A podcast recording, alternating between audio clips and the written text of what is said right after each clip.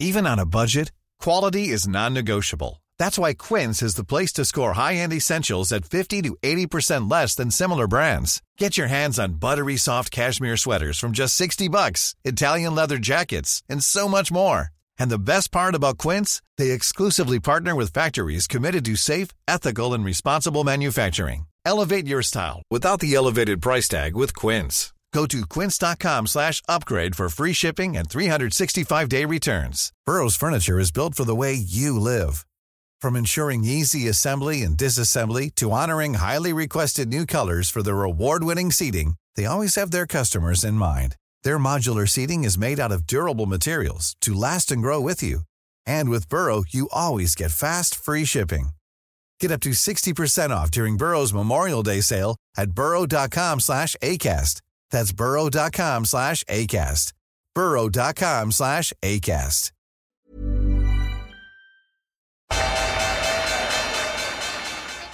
They mistook leverage for genius. Leverage for genius. I would recommend you, Japan. The governments don't rule the world. Goldman Sachs rules the world. Velkommen til en ny episode av podkasten 'Tid er penger', en podkast med Peter Warren. Vi er på episode nummer 56. Vi er midt på sommeren, og nå har vi skrudd av aircondition og klar for å starte en episode her. Vi har eh, et tema som Peter har identifisert som Han har bedrevet litt god gammeldags journalistikk og funnet fram til en trend eh, som signaliserer at veldig mange investorer, sannsynligvis altså store norske, kjente investorer, ligger sannsynligvis med veldig mye risk i markedet. Uh, I tillegg så har vi utallige temaer i dag, egentlig. Helt fra oljefondet til uh, st store, mange store fond. Kyle Bess har vært ute og snakka om uh, muligheter for resesjon, og det er jo andre signaler på det. Bill Ackman. En, vi har begge sett en film som heter Hummingbird Project. Veldig mye snakk om krypto. Muligens vi toucher inn på Kina, og generelt fortsetter vi vel kanskje temaet som er Som egentlig kanskje har vært tema fra sin start 1. Siden da episode 1. 'Everything's effed up'. Ja Det er vel det, Det- vi har snakka om. Jo, men det er del... Ja, som, som følge av uh, av ti år med, med oppgang og, og kvanti, altså takket være eh, kvantitative lettelser, så har vi jo Så har på en måte anatomien i markedet endret seg, og psykologien hos investorene endret seg. Altså, du kan argumentere at psykologien er, er eh, årsaken til at anatomien har endret seg i markedet, hvor ingen tror på at det finnes risiko, egentlig. Ja. Uh, og før vi starter i dag, så skal vi presentere vår partner i podkasten som har vært med siden dag én, og det er IG Market. Så sånn sett så kan man jo si at det er ikke så rart at et sånt selskap som IG er interessert til å samarbeide med en sånn her podkast, som da, kan du si, har en Hvis man skal være positiv, kalle det kontrær approach. Men hvis du da er vant til å lese Finansavisen Dagens Næringsliv, så vil du kanskje kalle det rent negativt. Altså, vi snakker mye om ting som ikke er bra. Eh, og hvis det har vært en vanlig fondsforvalter, f.eks., så ville de kanskje ikke ha likt det temaet så godt, fordi at man vedder på oppgang. Mens en type, type selskap som IG, det er jo et tradingfokusert selskap, så opp eller ned er likegyldig. De er ute etter at folk skal handle.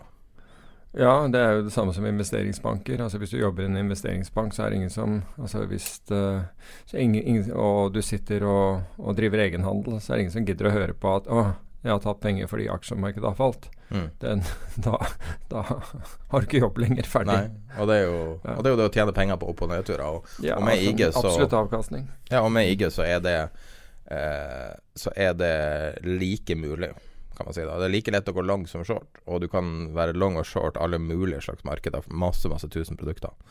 Og eh, da er det som vi alltid bruker å si, at norske aksjer, utenlandske aksjer, like lett å gå long og short. Eksotiske råvarer. Eh, dem- du kan handle alt av valutapar, statsobligasjoner. Og i tillegg nå de siste to årene cirka, så kunne du handla eh, kryptovaluta. Og de har også noen produkter som, siden de er et, deriva, en, altså et derivatselskap som selger CFD-er, så kan de også tilby produkter som ikke er børsnotert. Det er et, et rent syntetisk produkt, som f.eks. Uber pre-børsnotering, som ga vanvittige muligheter. Uh, vi har uh, nå da for noen måneder siden vært i Stockholm og, og snakka med IG Markets om, om uh, forskjellige temaer rundt dem. Og vi har en samtale med Erik Hansen fra IG Markets, så vi spiller spille et lite utdrag av den nå. Og det hele samtalen er på slutten av episoden. Det finns eh, två olika sätt att handla valutor på, på IG och vi är den enda CFD-mäklaren som, som erbjuder det här sättet. Eh, man kan handla då OTC, det vill säga over the counter eh, står det för. Eh, du har lite högre spreadar men eh, du betalar inget courtage. Ja. Du begynner å vandre over i journalistikk.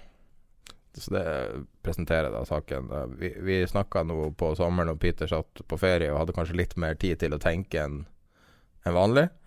Og tid til å tenke og trene. Og, og vi satt og snakka fram og tilbake, og så begynte han å snakke om at han hadde sett at flere investorer som da regnskapene kom ut for fjoråret på sommeren ca., og så begynner vi, å skrive om kjente folk. Og Vi skal ikke navngi noen, det er ingen vits å, å henge ut folk som taper penger. Altså, det, er jo, det er jo en menneskerett å gjøre det, dine egne penger. Men trenden var interessant. Fordi at plutselig, de folkene som har over veldig mange år tjent penger, tjent penger, tjent penger, samtidig begynner å tape penger. Og på tross av at vi ligger på historiske topper i en rekke markeder, så ser du ganske store tap i fjor mer pga. den relativ, relativt begrensa dippen som var i fjor. Ja, det er jo det som er, eh, er hovedpoenget. Det at det var en veldig liten nedgang i fjor. Altså på, på årsbasis endte vi ned ca. 2% på Oslo Børs.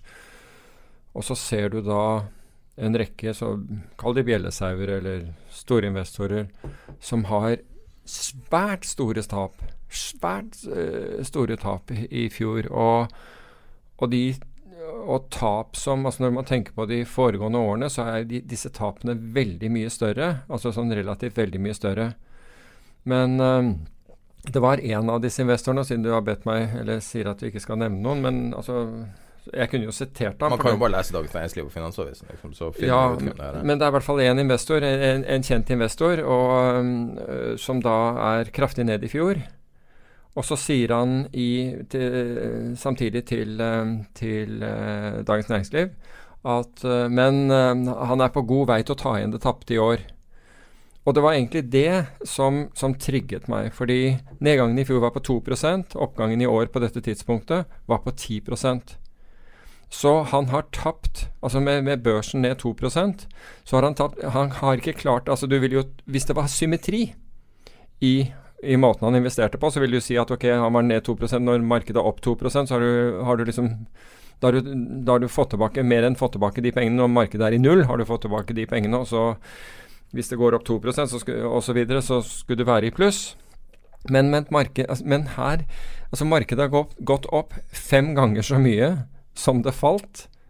Og du, er, og du har ikke fått pengene dine tilbake igjen enda. Du, du sliter fortsatt med å få tilbake pengene. Og det var det som trigget meg, og da, da jeg begynte å gå og se på en del av disse investorene, tallene de leverte osv. Og, så og det slo meg hvor asymmetrisk denne, denne altså risikoen deres er.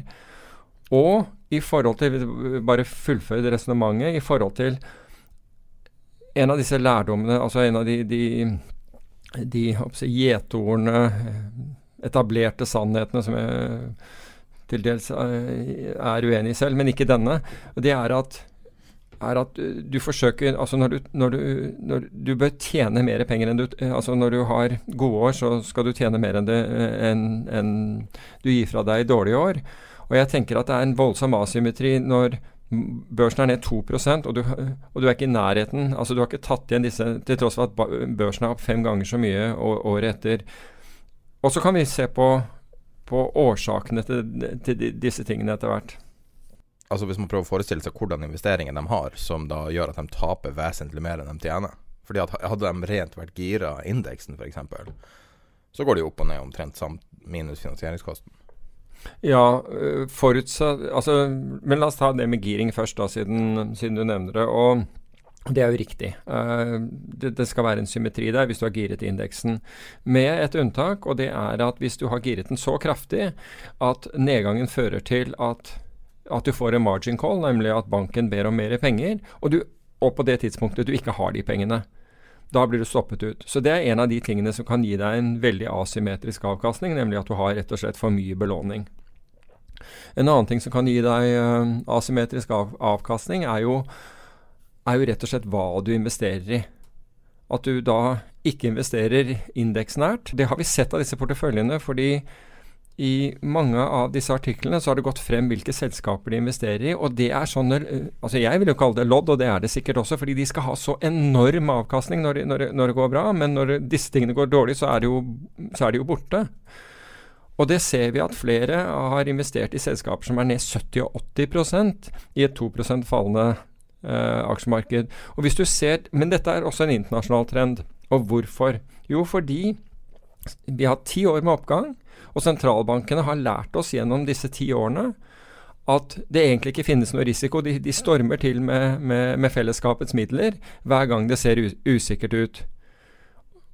Og, og et lite kaviat til det er jo at hver gang man Altså alle disse QE-ene har hatt mindre og mindre effekt. Mm. Det, skal man, det skal man være Eller kortere og kortere halveringstid. kortere og kortere halveringstid av, av, av dosen man får. Men, men, det har gjort at folk velger annerledes, annerledes enn de ville i, i, i, i mer la oss kalle det normale markeder. Se f.eks. på vekstselskaper i forhold til verdi, altså i forhold til liksom de trauste inntjenende selskapene. Vekstselskapene går fra så det hyler. Og vi er nå på det altså Litt avhengig av hvilke indekser du bruker, men hvis du ser på USA, så er vi liksom Altså vi er ikke på der vi var i 2000. Altså hvor, hvor teknologiboomen gikk, men, men vi er på det høyeste vi har sett siden. Så folk kjøper vekst, de kjøper ikke inntjening. Og selskapene driver selv og kjøper tilbake egne aksjer. Så du, du, du, har en sånn Det er blitt færre aksjer. altså Over noen tiår så har antall aksjer på, på, på, på New York Stock Exchange Antall selskaper er blitt halvert. Så det er mer penger som pusher inn for, for, for færre aksjer. Så det er klart at du får en sånn det, altså det, det, fremstår som en perpetua mobile, uh, altså en evighetsmaskin, helt inntil det ikke er det lenger. Men denne, denne Kan også kalles en ponzi-scheme, da. ja, altså jeg tror jo En form for ponzi-scheme. Altså, altså, selve mekanikken i en ponzi-scheme er jo også at det er en evighetsmaskin. Ja, den, så fremt at, at det er uendelig med helt, filters. Riktig. Helt inntil, ikke sant. Og, og som vi snakket om sist, at Uh, kraftige nedganger i markedene de avslører disse altså De er nyttige ikke bare fordi de rensker opp uh, hva som ikke burde vært så dyrt, men, men de, de, avslører disse uh, De avslører svindel. Ja, for da, da klarer du ikke å, å, å, holde på dette lenger.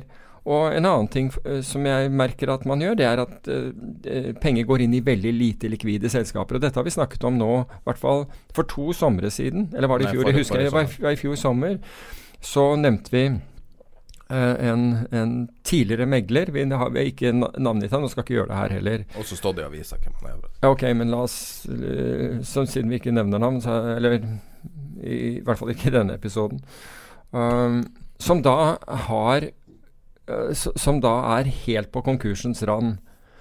Og han Dette er en fyr som har skapt liksom en formue for seg selv. Og um, Altså, da han var, da han var megler. Og så blåses alt på veldig få illikvide posisjoner. Og det samme ser, ser, man i en del family offices. De har gått fra vanlige, altså balanserte porteføljer til porteføljer som består av, av um, venturepreg. Noen få venturesatsinger hvor man liksom tømmer inn, inn, inn penger. I, også i håp om at denne altså kvantitativ lettelse skal, skal beskytte en. Men det gjør ikke det. Så, så det, er, det, er, flere måter å oppnå på en måte asymmetri. Og da tenker jeg med asymmetri så mener jeg at uh, i dette tilfellet så at man taper mer på nedsiden enn en, en, en, uh, man klarer å få til uh, på oppsiden. Men ingen av delene er sunne. Ingen av disse delene er sunne, og det er viktig å huske.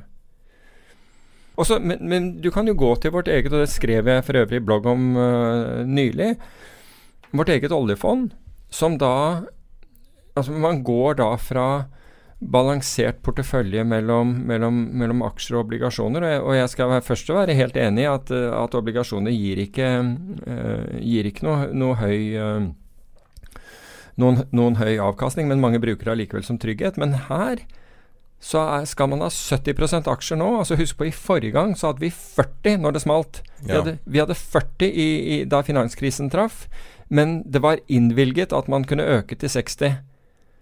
Og det var jo rent tilfeldig, gudbenådet flaks, som gjorde at den porteføljen ikke var på 60 når det, når det, når det smalt, men isteden var på 40. Og så kunne man da bruke den nedgangen til å kjøpe aksjer. Genialt.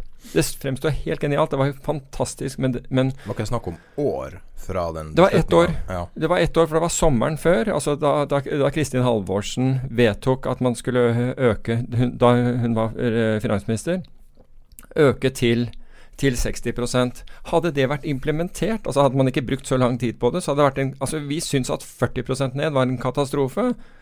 Altså det, Da ville tapet vært 50% større hvis man hadde da hatt 60 i, i porteføljen. Og nå har man 70, mens andre eh, tilsvarende statlige fond reduserer. Og, de, og her snakker vi om at de i gjennomsnittsfondet, altså de statlige fondene, har 30 har 30 aksjer nå etter å ha redusert fra, fra en beholdning på, på, i gjennomsnitt på 33. Så, men men det, er, det er klart at hvis du investerer for, for evigheten, som, uh, som eh, oljefondet gjør, så, så håper man å kunne trekke ut merverdier av å, å, å ta høyere risiko. Mm. Og det er greit. Men da, eh, også, som jeg skriver i den, i den bloggen, så må da må både uh, landets borgere og ikke minst media klare å besinne seg når, når, man får, når man får en nedgang, og si at dette her er helt innafor. Vi investerer langsiktig. Ja, men det kommer jo aldri til å skje. Altså, Nei, jeg tror heller populisme og oljefond er jo bare altså, Ja, det, er jo så, det er jo en sånn naturlig target, liksom. Så uansett hvordan poli... Altså, det, og det er jo hele essensen bak oljefondet. Grunnen til at oljefondet er en sånn fantastisk oppfinnelse, er jo at det er den første fullblods apolitiske politiske tingen. Du kan ikke kødde med det. Og det er jo helt magisk. Tenk deg, Ja. tenk deg hvor mange folk som har prøvd å, å touche det her og, og endre det. Ja. De klarer ikke. De politikerne, navnene deres er jo glemt allerede. Mm. Store, kjente politikere som blir omtalt dag ut dag inn. Men oljefondet består og er liksom Ja. en bauta i Norge. Så eh, det, er- det er ikke for meg å fortelle hvordan oljefondet hvordan de skal uh, allokere kapitalen, men, men eh, altså diversifiseringen har vel aldri vært lavere enn den er i dag, ikke sant? Altså med den, den aksjeandelen. Og det er, det er greit nok, det. Man, man, oljefondet eller generelt? oljefondet. Ja. oljefondet. Um, og en annen ting, altså greiene er at i, i, um, under finanskrisen så fikk du da, Her, her er real, nå sitter vi og ser Ja. på realtime oljefond, Oljefondet. Markedsverdi. uh, 9225 milliarder kroner er verdien. Nei, akkurat. Så ja. litt over, en, litt over eh, 1000 yards eh, Ja. dollar. Det er penger. Det er penger i det. Um, men, men det skal bli Altså det skal bli spennende å se. Altså Hvis du får tøffe tider, da, da tror jeg de skal få det veldig Altså både politikere og, og, og, og for så vidt også Yngve, Yngve Slyngstad. Som, altså alt er åpent og gjort øh, øh, Gjort etter boken. Men jeg, jeg tror skal at man kommer til å føle et visst press Øh, når, altså, når markedet trekker seg litt tilbake her. 1998 172 milliarder kroner. Det virka ganske mye i 1998. Ja. Så i på, Altså hvis du ser her, se på den smoothe gangen her. Man skulle ikke tro at finanskrisa skjedde, for det var jo så mye påfyll, sikkert, skal jeg tro. ja, det var var påfyll. Det, det smootha ut hele. Ja, ja, ja. For det er jo en helt glidende overgang. På nbim.no kan du se chartet deres. Og så ser du jo omtrent når, eh, når ting begynte å ta av her. Mm. 2012 og, og utover.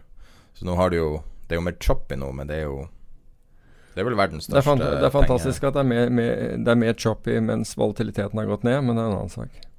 Markedsvolatiliteten er jo lavere. Men, uh, Men det er vel, det, det er vel choppy fordi at de har mindre påfyll? men- men jeg tror altså Howard Marks skrev i sitt siste uh, Siste Hva kalles det? Investorbrev, eller Jeg er ikke helt sikker på han, hvordan man omtaler det. Da, da skrev han at eh, at det har altså, strategier hvor man, hvor, hvor, hvor man som er basert på det som akkurat har skjedd, har, har, ikke vært, har, ikke hatt suksess over tid. Altså når, og det, det, er så mange sånne tilfeller. Jeg husker jo hvor mange som skulle inn i japanske aksjer her i Norge på slutten av 80-tallet, fordi Japan altså Det kunne jo ikke gå galt. Og det ble laget massevis av produkter. Jeg tror folk sitter støkk i en del av dette her enda. Uh, ja, det er jo 100-årsobligasjoner nå, så folk kommer jo altså Hvis du kjøper det, er ikke det er ikke det Argentina som har en 100-årsobligasjon? Jo, de har også. Men backward eh, Sveits har også, og, så vidt jeg vet. Men backward locking strategies, ikke sant. Og, og, men det er så lett for oss å gjøre det. Og spesielt etter ti år med, med med, med sentralbankdrevet uh, oppgang i mm. aksjemarkedet, så er det altså, alle backward-looking strategies virker. De ser fantastisk ut. Men det betyr ikke at de virker, uh, virker i, for, for, fremtiden. Er den største um, potensielle trendforskyvninga fra vekst til value? Altså, jeg kan ikke huske Når var sist gang value ble diskutert en gang? Altså, det er så lenge siden at ja. Altså Folk har jo totalt glemt. Men, men, men der, altså jeg, jeg, tenker jo at uh, Men dette, dette har jeg bare tenkt for, for meg selv, at det, at det, ligger en opportunity her nå. Altså en hedging opportunity. Og det er å kjøpe put-opsjoner på, på, vekst. Altså finne en indeks eller en ETF. Og finansiere det med en put-opsjon. Altså det out of the money begge deler, sånn at du ikke ligger helt tett opptil. Men også kjøper du en, så Ehm, så finansierer du det med å utstede en, en put-opsjon på, på value-aksjer. Fordi jeg tror at når, når altså når, når, fordi det er ikke hvis på et eller annet tidspunkt snur alt, men, men jeg vet ikke når. Men, men det, du kan si at for at du skal tape penger på det, så må da selskapene som, har, som i dag har solid inntjening, betaler utbytter og alt sammen, falle mer enn selskaper som ikke har noen inntjening. Og det har jeg vanskelig altså Med det gapet som er mellom, disse, mellom hvordan vi verdsetter eh, eh, disse to typer av selskaper, det har jeg vondt for å, uh, for å se. Jeg sier ikke at det ikke kan skje, for det må man alltids være, være obs på. Men, men uh, jeg synes, altså for meg så, så, virker det veldig attraktivt i øyeblikket. Er det opsjoner på alle ETF-er? Ikke på alle. Nei, Nei. Men de store er det. Men Ja, det er det. Og du kan si at så Hvis du ser på hva skjer hvis begge deler fortsetter oppover? Jo, hvis du har finansiert den ene med den andre, så har du ikke noe, noe uh, Altså, du har, du har, selvfølgelig en margin som du må stille opp med på, på den shortputten. Men den kommer ikke til anvendelse hvis det går oppover. Og du kan gjenta det altså når disse opsjonene for, da, Hvis begge opsjonene forfaller verdiløs, så har du liksom ikke hatt noe utlegg. Og du kan gjenta da denne med nye opsjoner på et høyere nivå hvis det har fortsatt oppover. Har det derimot sus til, til nedsiden, så er jo min tese i dette her at selskaper uten inntjening vil nærmest kollapse i forhold, så de vil falle mye mer enn de andre. Så, har du forsøkt å, å backtrade, altså teste backteste? Nei, altså det var, det var det jeg tjente penger si Nei, det var det jeg tjente penger på. I 2001 så tjente vi altså da, da, da, satt jeg jo i Finansbanken med ansvar for både markeds og, og egenhandel, men da var det det vi gjorde på, på Nasdaq versus SMP. Og, så du kan si at det virker når du har, ekstre, altså, når du har ekstreme bevegelser. Det er ikke noe jeg ville gjort hver dag. Men når jeg ser på det nå, altså hvor og, jeg ser på den asymmetrien, jeg ser på resultatene til, til, til, eh, til investorer som, som uh, har uh, porteføljer som er konsentrert i vekst. Så jeg sier ikke at oppgangen er over. Men hvis oppgangen fortsetter, ok, så, så verken tjener eller, eller, taper jeg penger. Men hvis dette snur til nedsiden, så tror jeg at uh, så tror jeg det er en god hedge. Jeg tror det er en god trade å ha liggende også, for den saks skyld. Uten kan man, altså jeg bare prøver å tenke hvordan eh, Hvis man skal ha noe som Du må jo gjerne ha noe som er skikkelig likvid, sånn at du får et ordentlig marked å handle. Altså mm. Det finnes jo en million ETF-er. Men du kunne jo hatt f.eks. Uh, jeg ville tatt ETF-er på store indekser hvor det er stor, ja, hvor det er stor likviditet. ETF-er på, på, Dow Jones. Dow Jones er jo primært Ja, uh, Dow Jones, uh, SMP 500, men den har jo også, tek, den har jo også teknologi. Ja, men ja, kanskje eh, trippel Q. Altså jeg så litt på dette i sted hvor jeg så på Nasdaq i forhold til eh, SMP 500, som jeg gjorde den gangen. Men jeg må tenke litt mer om Nasdaq er den beste måten å uttrykke vekstselskaper på. Kan godt hende at det er det. Men, eller om det fins andre, andre som uh, Altså 100% sikkert så finnes det ting som der det er mer eh, si, vertikalt. Og der Altså, du har jo alle de her uh, Hva de heter, de her eh, Du har Russells og flere eh, Altså, du har en del andre ting som du Dem som er så, eh, så glad i Tesla, dem har jo sånn veldig Det der ETF-en. Den er jo veldig vekst. Alt er Eh, vekst. Ark. Ja. Ja. Men det blir jo Altså, der Ja, jeg føler jeg, Den blir vel litt for konsentrert for meg, tror jeg. Og, altså hvis den, er ikke, hvis den er konsentrert på noen få selskaper, så føler jeg at jeg tar for mye for, mye altså da, for mye selskapsrisiko. Ikke Ja. sant? Plutselig så er det en eller annen som, blir- som får, en, øh, får et bud eller et eller annet sånt i den, i den kurven. Ja, 10 11 til Tesla. Også For er eksempel, ikke sant? Stratsys og Square og Men det er jo veldig sånne Men det kan Men jeg vet ikke om det er uh, opsjoner på ARK, bare, bare så det er sagt. Men jeg føler at det er Den er litt for Den er, den er litt for lite diversifisert. Mens QQQ er litt for bred, kanskje. Ja, det er det altså, Du har jo selskaper der som, som har inntjening også, så den er ikke utelukkende vekst. Men det er en fin strategi.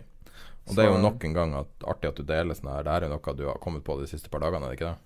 Jo, altså det, det, det har kommet på ved at uh, Altså ved at, man, ved, ved at jeg har lest mye. Men, men prøver da å tenke på Altså det ene er den asymmetrien som, som slår meg. Og den asymmetrien burde også slå de, de investorene òg, men det kan hende at de er fullt innforstått med, med måten de investerer på, og sier at dette her er greit. og, og og, og vekst og Det er aldri noe Altså vekst kommer til å gå, gå forever, og likviditet skal, bryr vi oss ikke om. Fordi jeg tror også det ligger en sånn En, en skjult øh, likviditetsrisiko her. Altså Vi har hatt Woodford som uh, Neil Woodford som, hvor det ble avdekket, og nå ser du at Fortsatt ikke omtalt i norsk media. Er det ikke? Wow.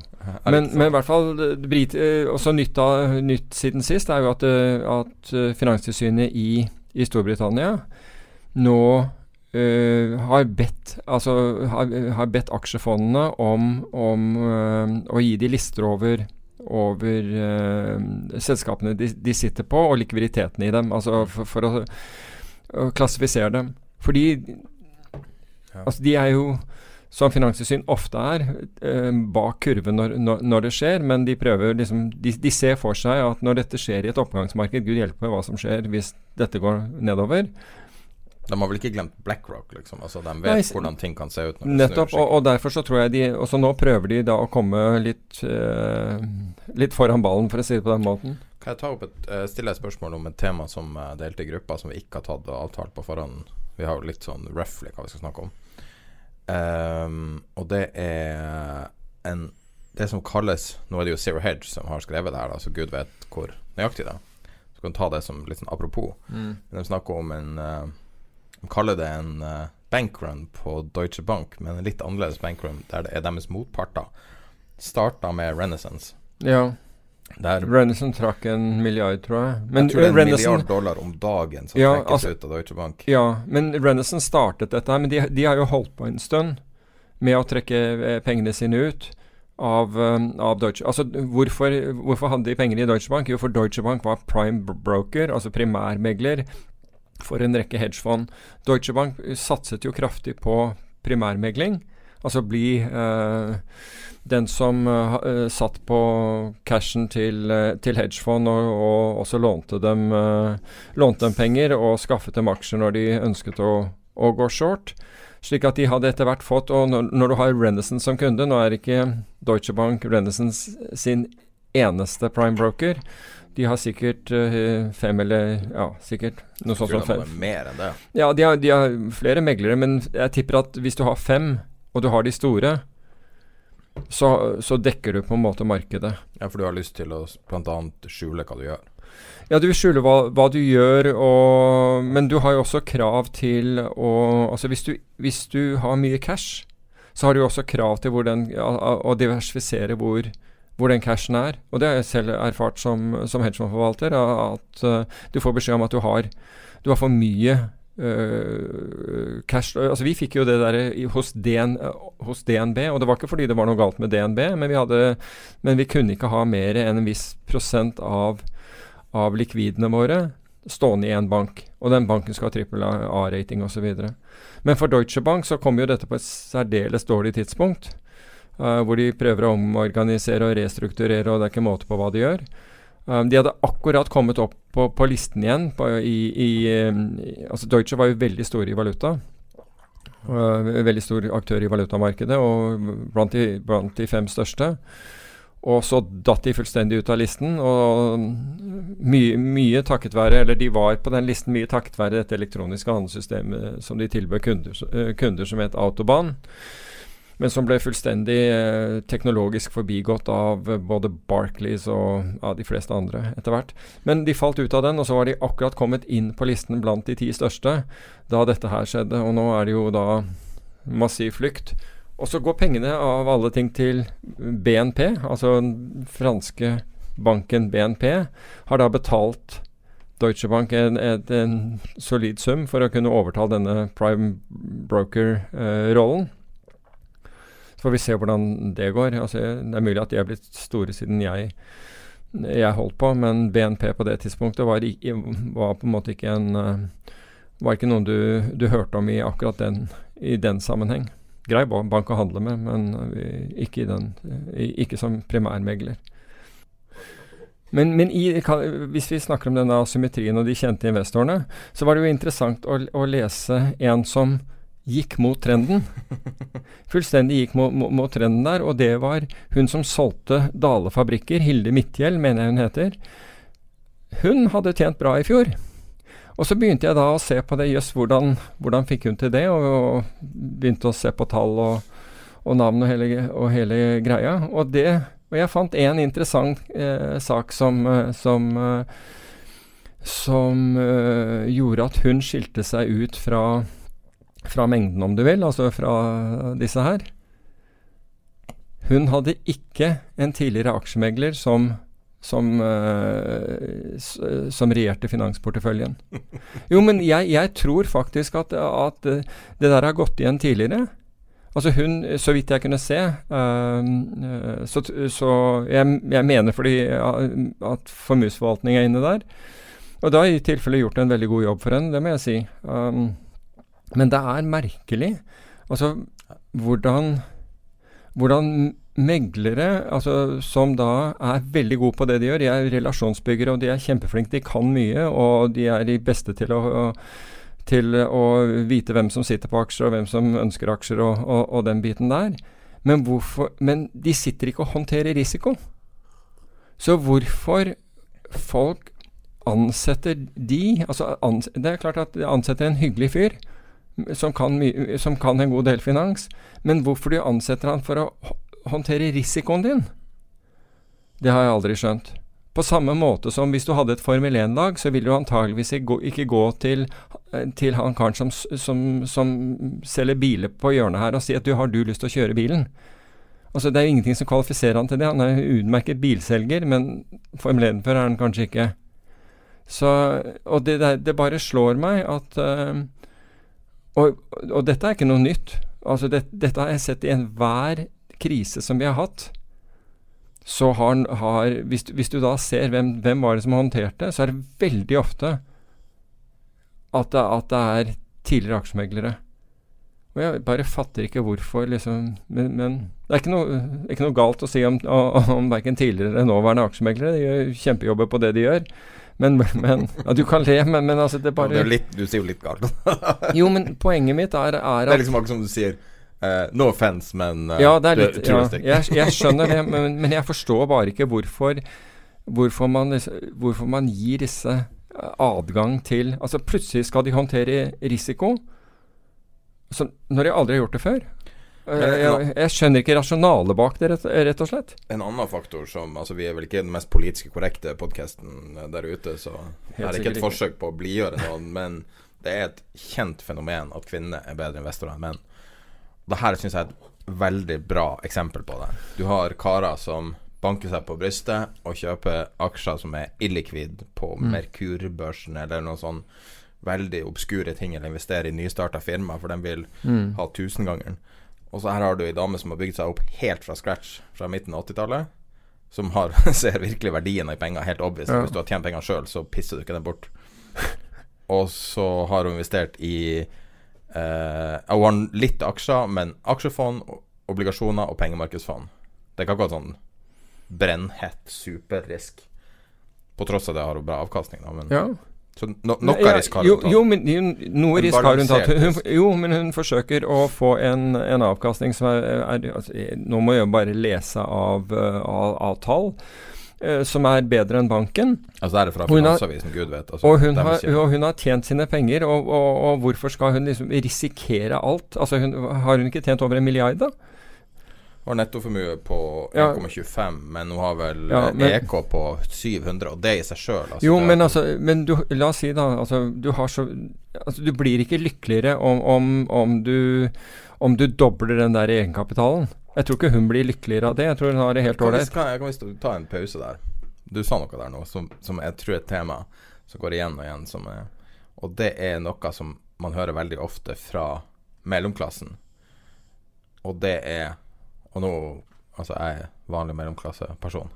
Og noe jeg hører veldig ofte, har hørt hele livet mitt, når det er snakk om penger, og det er snakk om folk har tjent eller tapt, og da er det alltid Ja, men blir du noe lykkeligere av penger? Mm.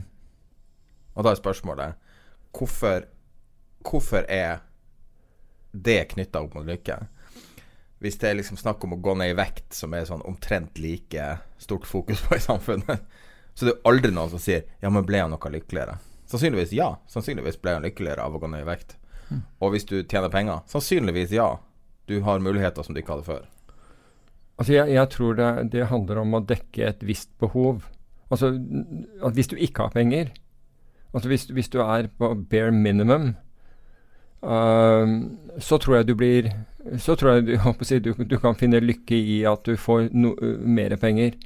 Men det, men det er opp til øh, å få dekket et visst behov. Men det man ser For du er har bygd deg opp sjøl, ikke sant? Ja, ja, ja. Altså, jeg hadde Fra scratch. ja, jeg satt jo i gjørmehull i eh, og, og, og frøys i Nord-Irland, jeg, uten nåla i veggen. Altså, og militæret der borte i England betalte ikke noe særlig godt, i hvert fall ikke den gangen.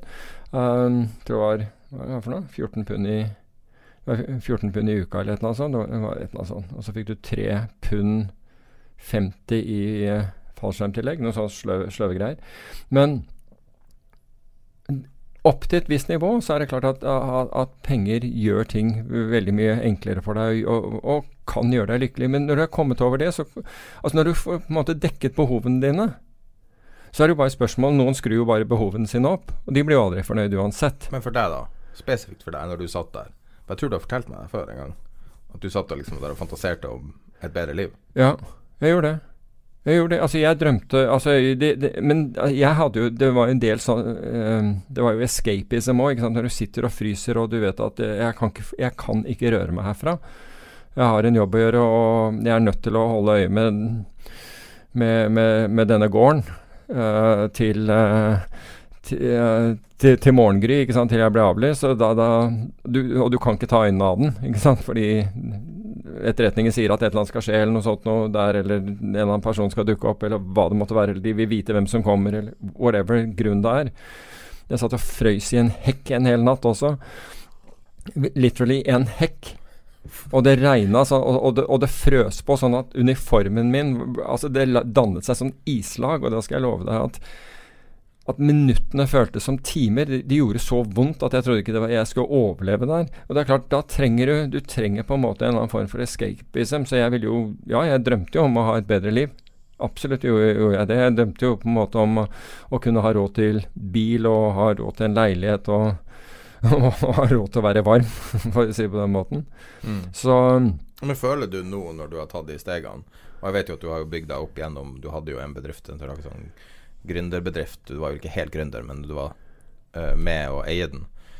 Og du har på en måte vært med på de stegene, og så har du jobba i finans, mm, og så har du Vi har aldri snakka om din gambling. kort, kort periode. ja. så, ja, det var jo halvannet år, da. ja, ikke sant? Det, Ja. det er jo Eller bare to år. Ja. Det må vi ta en gang. eh, Mm. litt blackjack. Uh, og, men vi har, du har liksom gått stegene, da. Men spørsmålet da er Kan vi, kan vi avlive eller bekrefte myten? Hva skjer med lykkefølelsen på de forskjellige nivåene? Altså til, til å begynne med, altså når, du, når du har råd til å kjøpe deg din første bil, eller noe sånt, så føler du deg lykkelig. Altså hvis du kommer Altså hvis du Seks måneder, et år tidligere, eller hva som helst. Uh, ikke så muligheten til å gjøre det. Du, du hadde ikke penger, og så plutselig uh, så, så, så har det gått såpass bra så, så, føler du en lykke. Du, det er klart du gjør det. Det, altså, det, gir jo en frihet. ikke sant? Plutselig kan du ta ferier, du kan gjøre ting som du ikke kunne gjøre før. Og få opplevelser som du kanskje ikke kunne gjøre før. Og, så, sånn sett er det, så sånn sett er det lykke. Men når du kommer opp på et visst nivå hvor, du, hvor disse, disse behovene er ivaretatt, så, så, så, hjelper jo altså, Derfra altså, så, tror jeg mye at de som da er veldig opptatt av å hele tiden altså, øke voldsomt, altså som har fokus på det hele tiden et, Nei, jeg tror ikke de er lykkelige. Jeg tror ikke de er det. Fordi altså, jeg har sett jeg har sett, det, Dette er jo innen, finans. Hva, en, en, hadde en kollega som kjøpte en bil, og nå, mulig at jeg husker feil merke, men, men det var en Audi han hadde kjøpt. Han var, han var, liksom, dette var drømmen hans, og han var, han, han var, lykkelig. Han var virkelig lykkelig når han hadde gjort det der. Og så gikk det, jeg tror det var mindre enn en måned, så kom Audi ut med en bil som het akkurat det samme, bare hadde én bokstav til. Og da raste verden hans. Altså. Da, raste, da, da var det ingen lykke i å ha den bilen whatsoever. Da raste virkelig verden. Han følte seg fullstendig mislykka for å ikke ha sett det komme og kjøpt den, og, liksom, og hørte om en som hadde bestilt den. Og det var en obsession. Er det et slags platt menneske som er så Nei, men, det, En voksen mann? Ja. Ja, ja. Ja, ja. Sånn tidlig 30-årene var han vel på det tidspunktet. Så, og så er det de som bare skal ha mer hele tiden. Skal ha mer. Jo, men, men det er jo også det å vinne. Ja, du lever ett liv. Jo, men, men, vil du vinne eller tape? Ja. Hvis du har valget, så vil ja, du selvfølgelig vinne. Absolutt. Du vil være en vinner, ikke en taper. Jo, du vil ikke bare settle. Nei, men det er, helt, nei, det er jeg helt enig i. Men, men, da er det jo litt det der å definere du Hvordan du vinner, da. Altså, Hva er det som gjør at du vinner? ikke sant? Hvordan vinner du i denne, denne konkurransen? Og vi, det er klart at Hvis pengene, det som står på konto, er hele tiden det som bestemmer om du har vunnet eller ikke, det er klart da, da, da blir det som du sier, platt. Men det, det, er, det, er, jo klart at hvis du har midler, så kan du også gjøre Du kan gjøre fantastiske ting med det. Du kan gjøre ting for andre med det. Altså det, er, det gir deg en frihet til å, kunne, til å, kunne, bidra for noen, forandre livet for noen, vi, vi, i noen tilfeller. Så jeg drakk en gang kaffe med en kar som på sin konto, altså slags lønnskonto, kan man si, har nok penger til å redde mer eller mindre alle u-land som han kunne velge. Og for meg så var det så disturbing å tenke på, men samtidig også helt magisk. Vi var bare, mm. Han var en venn av en venn. En arving av et stort firma. Og jeg vet hva han har omtrent sånn roughly på konto, fordi han er så, så, stor. Og så tenkte jeg bare Altså, de mulighetene er jo helt uendelige. Nå gjør han jo ikke det, så, så, jeg vet ikke om det er positivt, men Men altså det, det, altså det, Når man har den diskusjonen, evig diskusjon, blir man lykkelig av det? Jeg tror du kan bli lykkelig hvis du gjør som Bill Gates gjør som virkelig forandrer verden. Egenhendig stopper malaria. Ja, men, men, du kan si at hvis du, for, hvis du forandrer én persons uh, fremtid fra å være helt for jævlig til å bli bra, så tror jeg altså Jeg tror ikke du trenger å utrede, utrydde malaria for å gjøre det, men, hvis du klarer å, å, snu noe for én enkelt person, så er, det, så er det, ganske mye det, Jeg vet ikke om det er like mye lykke, men det, altså, jeg tror det er en stor ting å kunne gjøre. Um, jeg, så, jeg, sitter i, um, i styret i Radiumhospitalets legater, så jeg vet Og her skal vi i hvert fall ikke nevne han, det, det kan jeg forsikre deg, men jeg, jeg, det er norske, velstående norske uh, mennesker som, som gir helt i det stille som gir til kreftsak og til forskning og sånn i, i, det stille, og som, og som gjør ufattelig gode ting for andre uten å gå rundt med, med armene over hodet og fortelle hele verden om det. Mm. Tvert imot. Det er helt, altså man, du vet ikke om det. Og der, og der blir man utrolig ydmyk. Um, og, og, jeg husker i ett tilfelle var en, en fyr um, et veldig, veldig kjent navn. Og han gjorde en innsats for ett barn, altså en gutt. Og, jeg, og jeg, liksom, det var helt fantastisk å lese hva han, altså, når jeg gikk gjennom papirer og sånn, hva han hadde gjort. Og det var helt uten at noen Altså han, kunne, han, han hadde fått midtsider rundt omkring hvis, hvis, historien ble kjent. Men det var, det var ikke tema. Han så en skjebne og, og, snudde den fra negativ til positiv.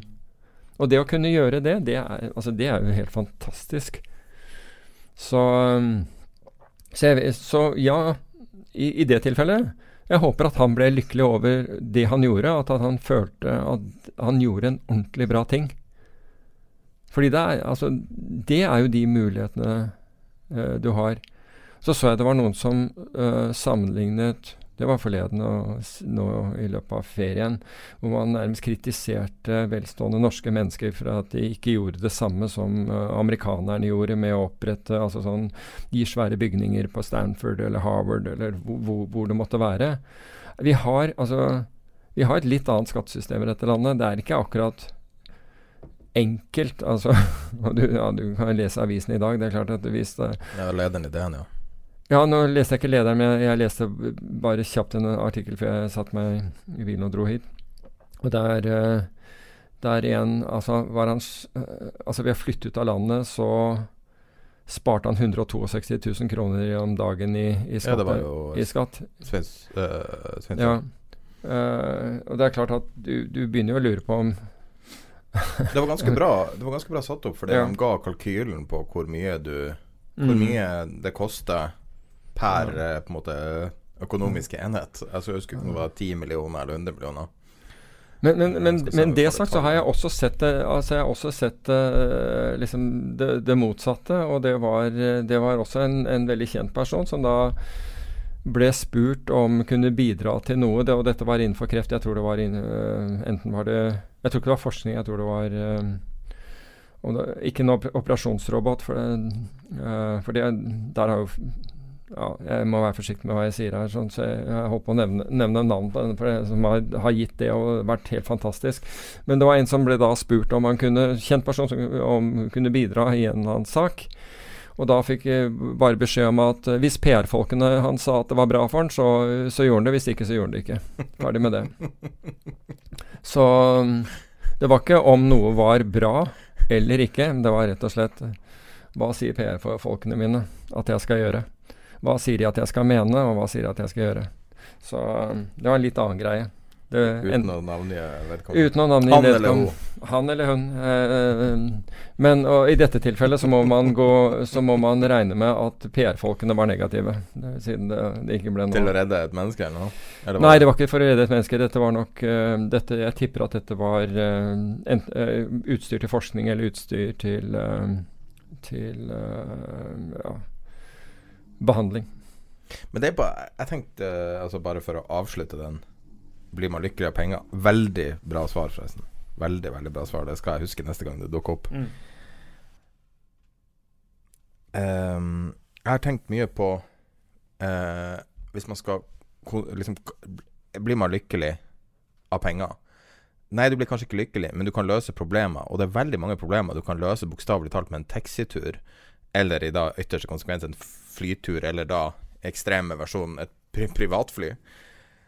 Fordi at veldig mye problemer handler om logistikken.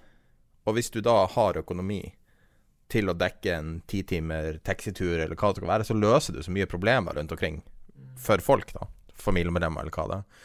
Så det er på en måte den ekstreme versjonen, altså å redde livet til noen som, som det man trenger dyre dyre um, operasjoner, eller hva det er. Nå er jo ikke det så ofte tilfelle i Norge, men det finnes vel dyre operasjoner i Norge også.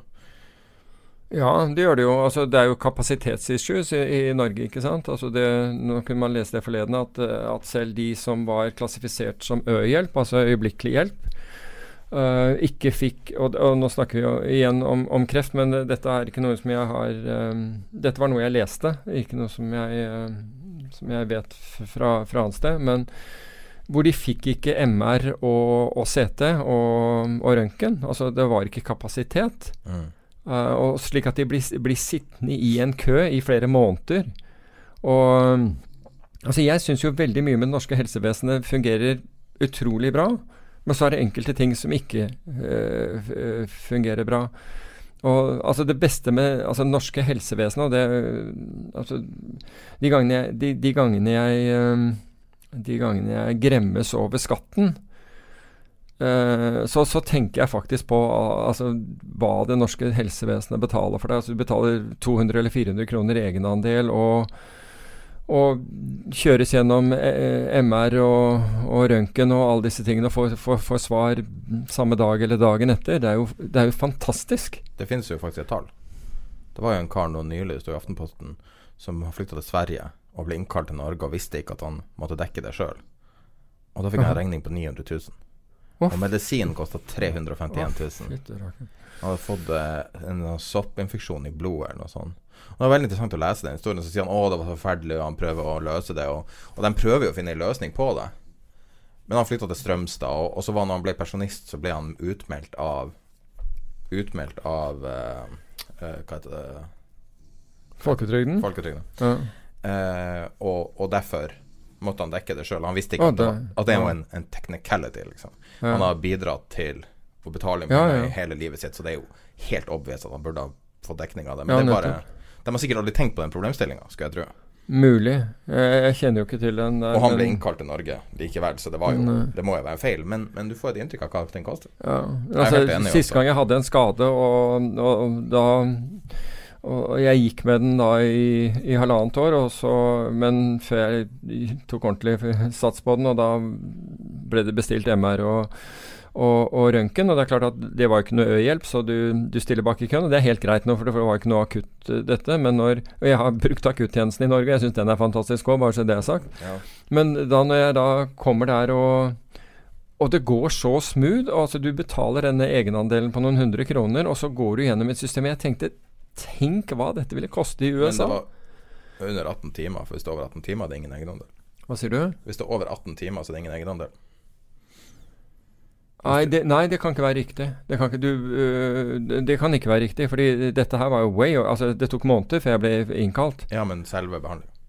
Øh, ja, hvis du er innlagt i Å ja, nei, jeg var, ikke, jeg var ikke innlagt. Jeg møtte opp. Men er ikke det litt magisk? Ja, ja, er mer enn 18 Å ja, det visste jeg ikke. Men jeg, USA er det en million kroner, liksom. Okay. Nei, men, men jeg møtte opp og liksom tenkte at dette tar vel noen, noen timer. Men da kjørte man meg først i røntgen, og så tok røntgen radiografen heter det vel, meg direkte bort til der hvor det var sete, og liksom leverte meg der etterpå. Så jeg var ute på 40 minutter. Ja. Og så har du 200 kroner. Ja, 200 eller et- ja, noe, noe sånt noe. Det koster ca. 25 000, tror jeg, for at jeg har betalt for det med min Ja, dette var begge deler. Jeg tenkte dette her er jo Det er fantastisk. Så den delen der syns jeg fungerer, og som sagt det akuttjeneste. det. Og det samme Men akutt- det som ikke og det samme hvis du fungerer er ø-hjelp, altså Men det- akuttjeneste. Men det fins huller i dette her, og det kunne, kan man jo av og til lese om. Men jeg har vært heldig i så fall. eh, Altså, når det er akutt, så er det jo akutt, men uh, Mens PR-folkene i Oslo kommune, eller eh, eh, reklamekampanje til kirka, f.eks., og sånne ting som går på Har du, sett det? Nei. Kirka har en bandreklamekampanje rundt omkring. Ok. Jeg skjønner, ikke, jeg skjønner ikke hva som er poenget med det. Alle har vel hørt om kirka, liksom. Enten er du kristen eller ikke. Det ikke sånn det blir overbevist. Men vet- altså, man kan jo si at det er en indirekte skatt. Altså, det blir jo Mm. så De kommer jo fra et eller annet sted, de pengene. Mm. um, og de, det er vel Der sitter vel litt, kanskje litt Det er vel litt bitrere penger når PR-folkene til Oslo kommune skal ha betalt, kontra en sykepleier, som gjerne er overarbeidet og underbetalt. Det er litt andre typer penger. Sykepleiere er ikke bare gjerne, men de er overarbeidere og, underbetalt, det er ingen tvil om. Ja. Så det er, det er ingen tvil om. Den, den, det er ikke en debatt engang. Men uh, det her var helt spontant. Mm. Gjør penger deg lykkelig? Men det er virkelig et evig spørsmål. Og det er et sånn evig mellomklassespørsmål. Og jeg føler at du har faktisk klart å svare litt på det. Jeg har forsøkt, men jeg har jo tenkt på, på Og vi har ikke snakket om det på forhånd, så så- det Nei, vi har, det, vi har ikke det. Så alle de her temaene vi har nå, virker jo utrolig platt nå. ja, Asymmetri i avkastning virker Nei, altså- liksom Ja, ja det, det er jeg helt enig i. Bill Ackerman eller Men, men, la, men la meg si noe mer om uh, uh, Dette er også en studie som nå uh, har kommet frem. Og, og, og Financial Times skrev om dette her for uh, en eller to uker siden. Og det er den der tendensen nå Altså pengene flyttes til store, til store forvaltere. Og det gjør altså fordi det er som, du, som mange sier, altså hvis jeg har penger med Fidelity, så, eh, så, så mister du ikke jobben. Uansett, ikke sant. Har du pengene dine eh, der, og det gjør du sikkert ikke om du har penger hos DNB for den saks skyld heller. Men de mindre forvalterne sliter, og, og, og denne studien viste jo at mindre forvaltere hadde bedre avkastning, og til tross for det så havnet pengene hos de store. Og det var jo eh, kjedelig i seg selv, men enda verre var det at de regulatoriske kostnadene er blitt så høye at mange av de mindre forvalterne Så, du, så de beste, eller noen av de beste, blir borte, rett og slett, fordi de har ikke råd til å drive, eh, drive forvaltningsforetak. For, Sånn som Eklektika. For eksempel, men, men du hadde jo en på 13 milliarder som la ned her. Eh, eh, Mindre. jo, men Ja, de er jo ikke mindre på, på noen som helst måte, men, men selv de mener at, at uh, kostnadene som følge av regulering etter finanskrisen er blitt så høye at det, er, det blir for lite igjen. Og hvis du har et dårlig år, så har du ingenting igjen. Og det gjør at pengene flytter Og, og, og det som da vil skje, og som også avisen uh, advarer mot, det er jo når, når da øh, For det første så blir konkurransen mindre, og det vil også føre til at gebyrene øker. Så her driver myndighetene og presser dette altså presser folk ut av konkurranse, slik at konkurransen skal øh, det, er de som på en måte fjerner konkurranseelementet, og samtidig, og samtidig legger grunnen til for at, at gebyrene skal Og det er gebyrene som investorene da må betale, øker. Så Men generelt så er det jo en press på Fien, sånn at det har vært veldig press. du blir pressa fra begge kanter, Ja. og han eh, Altså George Soros han i verden Altså Kanskje ikke akkurat George Soros, men som altså bokstavelig talt personer med høyest lønn på jorda. Altså George Ja. Soros hadde Ja. høyest lønn på jorda et år. Eh, blir skvisa, og det er vel mange som, som ikke gråter for dem. Men de aller beste blir vel ikke så skvisa, mens det er de her La oss si mindre Sånn som Jeg syns Eklektika er et bra eksempel, for det er så differensiert. Det, det er rett og slett en helt annen type eh, En helt annen type eh, struktur, og det er liksom en, en regelrett hedge mot elendighet. Ja. Eh, og han klarte bare ikke å holde det i gang, fordi at verden hadde blitt så satt på, på, på tilt, nesten. Altså, eller Det var liksom tiltet på sin egen akse. Altså det er mer Ja. enn vanlig. Ja, han øh, Men det sies jo også at uh, Fra en jeg kjenner som som, uh, som, som kjenner Hugh Henry godt, og at uh, den det var den orkanen som traff altså det samme året, var det i fjor han la eller var året før, jeg husker ikke i, i farten. I fjor sommer. I fjor sommer, men den orkan, altså en orkan som traff uh, St. Barts, hvor han hadde eiendom, det viser at han var ikke forsikret for den. Så han hadde faktisk holdt, holdt uh, forvaltningsselskapet gående og folk ansatt med sine egne midler. Men når, når da han mistet denne her eiendommen og måtte bygge det hjem, så, så hadde han ikke mer cash til å, til, til å fortsette.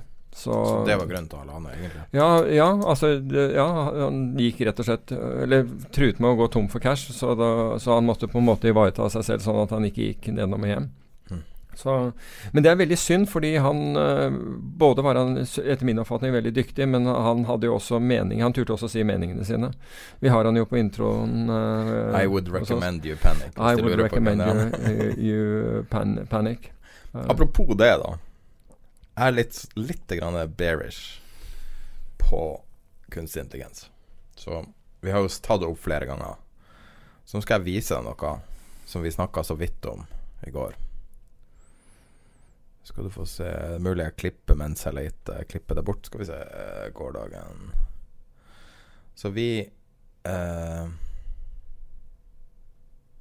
Ja, Mens du leter etter det, så kan jeg jo si at uh, Stephen Hawking sa at om kunstig intelligens at det var enten var det det beste eller verste for, eh, for, for menneskeheten.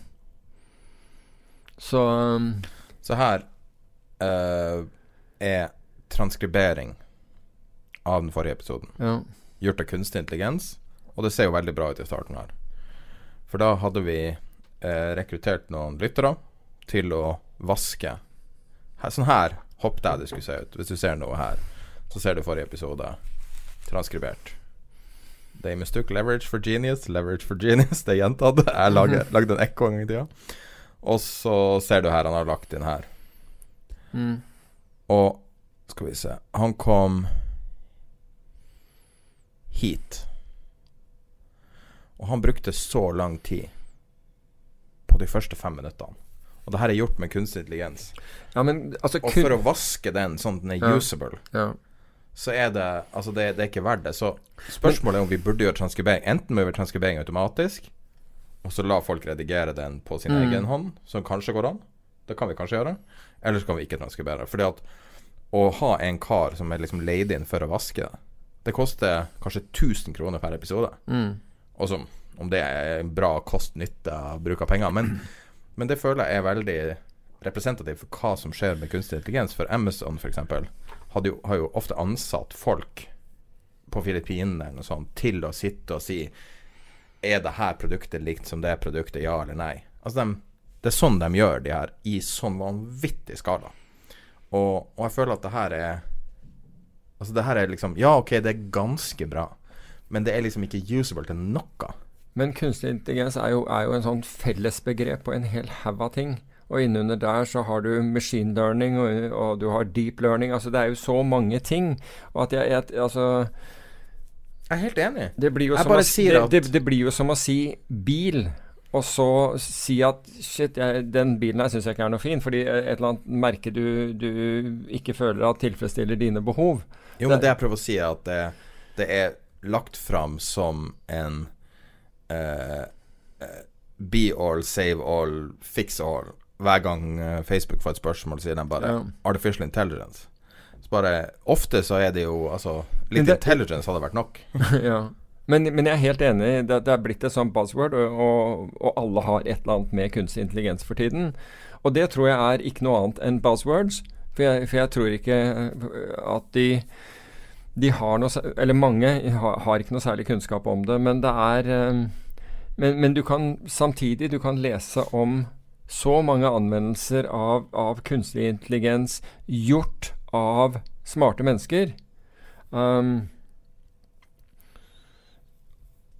og rett og slett altså bruk av, av Og det, det er jo bare de senere årene hvor dette har vært mulig, rett og slett pga. at vi har, vi har hatt At vi har kunnet lese de datamengdene og behandle de datamengdene som vi i dag kan gjøre. Ja. Uh, så, så du kan si vi er jo en, altså nå, Maskinlæring går vel tilbake igjen til Samuel på 50-tallet eller et eller annet sånt. Um, så altså, det er jo så upløyd Jeg føler jo allikevel at dette er ekstremt upløyd mark fordi, fordi vi nylig har fått fått adgang til å på en måte å bruke dette på øh, på store datamengder. Men du Altså, jeg føler at det her er en sånn real life. At man hører eh, russerne sitte og overvåke deg, og, og, og de eh, tar det der face-app-bildet ditt. Og, forresten, Mm, det mm. jeg ville bare påpeke at det er bare bullshit. Det Ja, jeg har ikke sett på det. Jeg, bare, altså- jeg, jeg har sett øh, at det har vært omtalt, men jeg kjenner ikke noe jeg, kan det. jeg kan si veldig fort hva det er. Mm. Uh, det er det samme Altså, de kaller det legalese, altså samme jussen som alle apper bruker, alt mulig. Og så har det bare Så var det en amerikansk eh, senator som sa at det her var livsfarlig, og du måtte ikke De kunne Russerne tok bildene dine, og så sier han er russiske karen som har jobba i Microsoft før eh, Vi bruker Amazon sine servere, og jeg skjønner ikke hva du snakker om. Mm. Men det var Mm. Det er en hysterie over ingenting. Ja. Men det er veldig artig, de bildene. Men ta for eksempel uh, et, et eksempel jeg så var brukt her forleden. og det, det sies at for, og Nå skal vi ikke drive og snakke om, om, om kreft opp og ned i mente, men det var bare, og dette var helt ute av kontekst med det andre vi snakket om. Men det sies at en lege, øh, kreftlege ser på en måte klare 2000 tilfeller eller et eller annet sånn av hvor han oppdager kreft. ok? du kan bruke altså Machine learning er jo ikke annet å gjøre er ikke noe annet enn enn, eh, å, å programmere det som på en måte mennesket gjør. Altså menneske, Den lærer av det et menneske gjør. Så det å se på på hva en, altså, og Her snakker vi om å se på MR-bilder eh, eller røntgenbilder, eller ja, sannsynligvis MR-bilder, for, for å oppdage kreft. Så legen, og det er en erfaren lege, han har på en måte sett 2000 tilfeller, og han, bruker han kan identifisere da på basis av sin det han har lært gjennom, gjennom sine år. Mens Mens eh, et program, altså en, en maskinlæringsprogram, kan da ha 25 millioner tilsvarende imager. Og du kan si at hvis vi tenker hvem, hvem, Hvilke av disse har mest erfaring? Hvilke av disse tror vi kan eh, altså favne over, over, mest og oppdage ting? Så vil jeg jo si at en som hadde, har, har funnet dette i 22 millioner ganger, sannsynligvis er noe hvassere enn den som, som har sett 2000. Men det er jo et veldig begrensa datasett, og det er jo det vi har, vi har er, Ja, men det går jo helt ned til, til datasettet. Helt riktig. Altså Det er akkurat som sjakk. Reglene er klare og tydelige. Men sam, en samtale, hvordan ser et punktum ut? Ja. Noe ja, ja. så basic. Ja, det, det, Eller hvordan funker ansiktsgjenkjenning? Og så sier de ja, ansiktsgjenkjenning funker bare på hvite menn. Fordi at det datasettet som har vært brukt Det vet jeg ikke om stemmer, men det handler jo også om Det er det, det som sies nå. Ja, det vet jeg ikke, men det handler om, om, eh, om geometri, og hele tiden så lærer jo det Det er det at de har brukt hvite menn til å teste det. Ja, men og derfor har de mye mer men, data. Så lenge du kan sope inn, inn så, så, så, lærer jo maskinene av det de ser. Måten man lærte sjakk, måten man lærte dam på, som var det vel det første heter, Checkers, heter ikke det Det tror jeg heter dam. Ja, jeg tror, jeg tror det. Men tok det ikke seks år eller noe sånt nå? Fra han fra, fra, altså man, man, satte et kamera over folk som spilte da dette, dette brettspillet, og så lærte datamaskinen via, ved, ved observasjon hvordan dette skulle spilles, og, og, og lærte seg da å, å spille dette og, og, slå alle. Samme skjedde i sjakk, samme skjedde i go. Ja, det var jo litt Altså, eh, det siste Angivelig så skulle det uh, i begge tilfeller ha skjedd på det Det er litt mer spennende når, uh, når vi snakker om artificial intelligence. Det skjedde på det 37. movet i begge. Det høres ut som eh, omtrent like mye som hun nye ECB-sjefen som sier at eh, tallet syv er så magisk. Nei, de, sier ikke at det, de at det er magisk, det, men, det var, men, det skjedde på det, det 37. På det 37. movet så forlot han Når han så hva maskinen gjorde i go Altså, mm. sjakk var jo vunnet. I Go da forlot han, eh, da forlot han brettet. Um, og måtte gå seg en tur, og så kom han tilbake igjen, og så måtte han innrømme at, at han ikke hadde uh, Så prøvde man Tror jeg han prøvde et par moves til. Det høres bare ut som en tilfeldighet. Ja, hvem vet. Vi får nå se. Vi får nå se. Ja. Jeg kan si at det som det jeg vet veldig spesifikt om det sjakkspillet, som er veldig spesielt, er at han Altså, man, man har ei Altså man har ei sånn predefinerte trekk. Ikke, ikke, altså sånn, som er nesten innøvd, for du har testa ut over lang, lang tid hva som er beste trekket. Så har du linje du går. Og så husker jeg ikke hva det heter. Jeg tror det er å gå off book når du begynner å spille det mer kreativt. Du spiller langsjakk, da. Lynsjakk, så er det noe annet. Okay. Eh, men det som var spesielt med de her datamaskinene, var at de gjorde trekk som var helt totalt et ny, nytt spor ganske tidlig. Ja f.eks. et veldig tidlig offer. Offerspillet som type sånn Du kan si at det er liksom den sjakken man aspirerer mot. Da. Det er en bedre Altså hvis du ofrer en brikke og kanskje får en fordel ti trekk fram i tid, så er det veldig sånn Det er veldig høy kvalitet. Mm. Eh, mens det her var da veldig tidlig offer som ga mye senere eh, gevinst. Mm -hmm. Og det er tenkt på at, at en datamaskin tenker bare på så andre liksom måter enn Kasparov var vel han som ble vel slått av maskin, var det ikke han? Blue, ja. ja. Og han sa vel også Deep. Big. Et eller annet. Uh, whatever. Big, uh, whatever. Men han, uh, han sa vel også at 'jeg ville aldri ha gjort' Deep Blue. Ja, jeg ville aldri gjort det movet. Eller eh, altså en av disse movene som han refererte til som altså flytting som maskin gjør. Men det var ikke en kunstig intelligens, jeg vil bare påpeke det. Mm, hva var det? Det var en, en datamaskin programmert til å spille sjakk. Okay. Det er to forskjellige. Uh, ja, fordi da den har if-setninger, og den andre ja. har korrelasjon. Ja, den andre bare lærer seg. Den andre, ja, altså den sann, en sann kunstig intelligens bare lærer seg. Du, du forteller den ingenting, eller kanskje du forteller grunnreglene. Ja, machine learning gjør det, men det er vel det er deep learning som, som tenker Altså som, hvor man skal emulere menneskets måte å tenke på. Det finnes et godt eksempel på det, som er en kunstig intelligens som lager fotorealistiske bilder. Og en måte den gjør det på, altså ut, uten noe referansemateriale, genererer bilder. Ok. Ta deg gjerne en Red Bull, Mm. eh, Peter. Hvis du merker at det er litt høyere tempo i dag, så er det både Red Bull og juice til både meg og Peter. Forrige gang så ble jeg sliten, og da ja, juice, kaffe, Red Bull og litt vann. Red Bull og vann. Det burde jo holde. Ja, bare for vi skulle holde Nei, for forrige gang ble jeg sliten og trøtt, og Peter tror jeg også var sliten og trøtt forrige gang, så jeg tenkte jeg i dag, nå skal vi gønne på. Uh, ja, jeg får bare håpe at det ikke er fartskontroll på, på E18 etterpå, etter jeg har drukket alt dette her. Eh, nå mista jeg helt sporet. Men uh, vi kan gå uh, holde oss litt til finans. Vi, vi gikk litt av temaet i dag, men jeg syns likevel at det var Det var verdt Men vi var, vi var i Skulle vi til Ray Dollar? Hadde vi vært innom Jeg Ray syns Kyle Dollar? Bass kanskje er litt mer interessant. Ja, men kan vi ikke ta bare Ray, noen, ah, Vi har blitt spurt om akkurat den eh, Ray Dalio um, og den all weather-porteføljen. Altså I og med at han er verdens største helsefondforvalter, så, så kan det jo være Og han nå mer Du kaller han vel mer politiker nå, men uh, Jeg tenker han er en CEO slash politiker.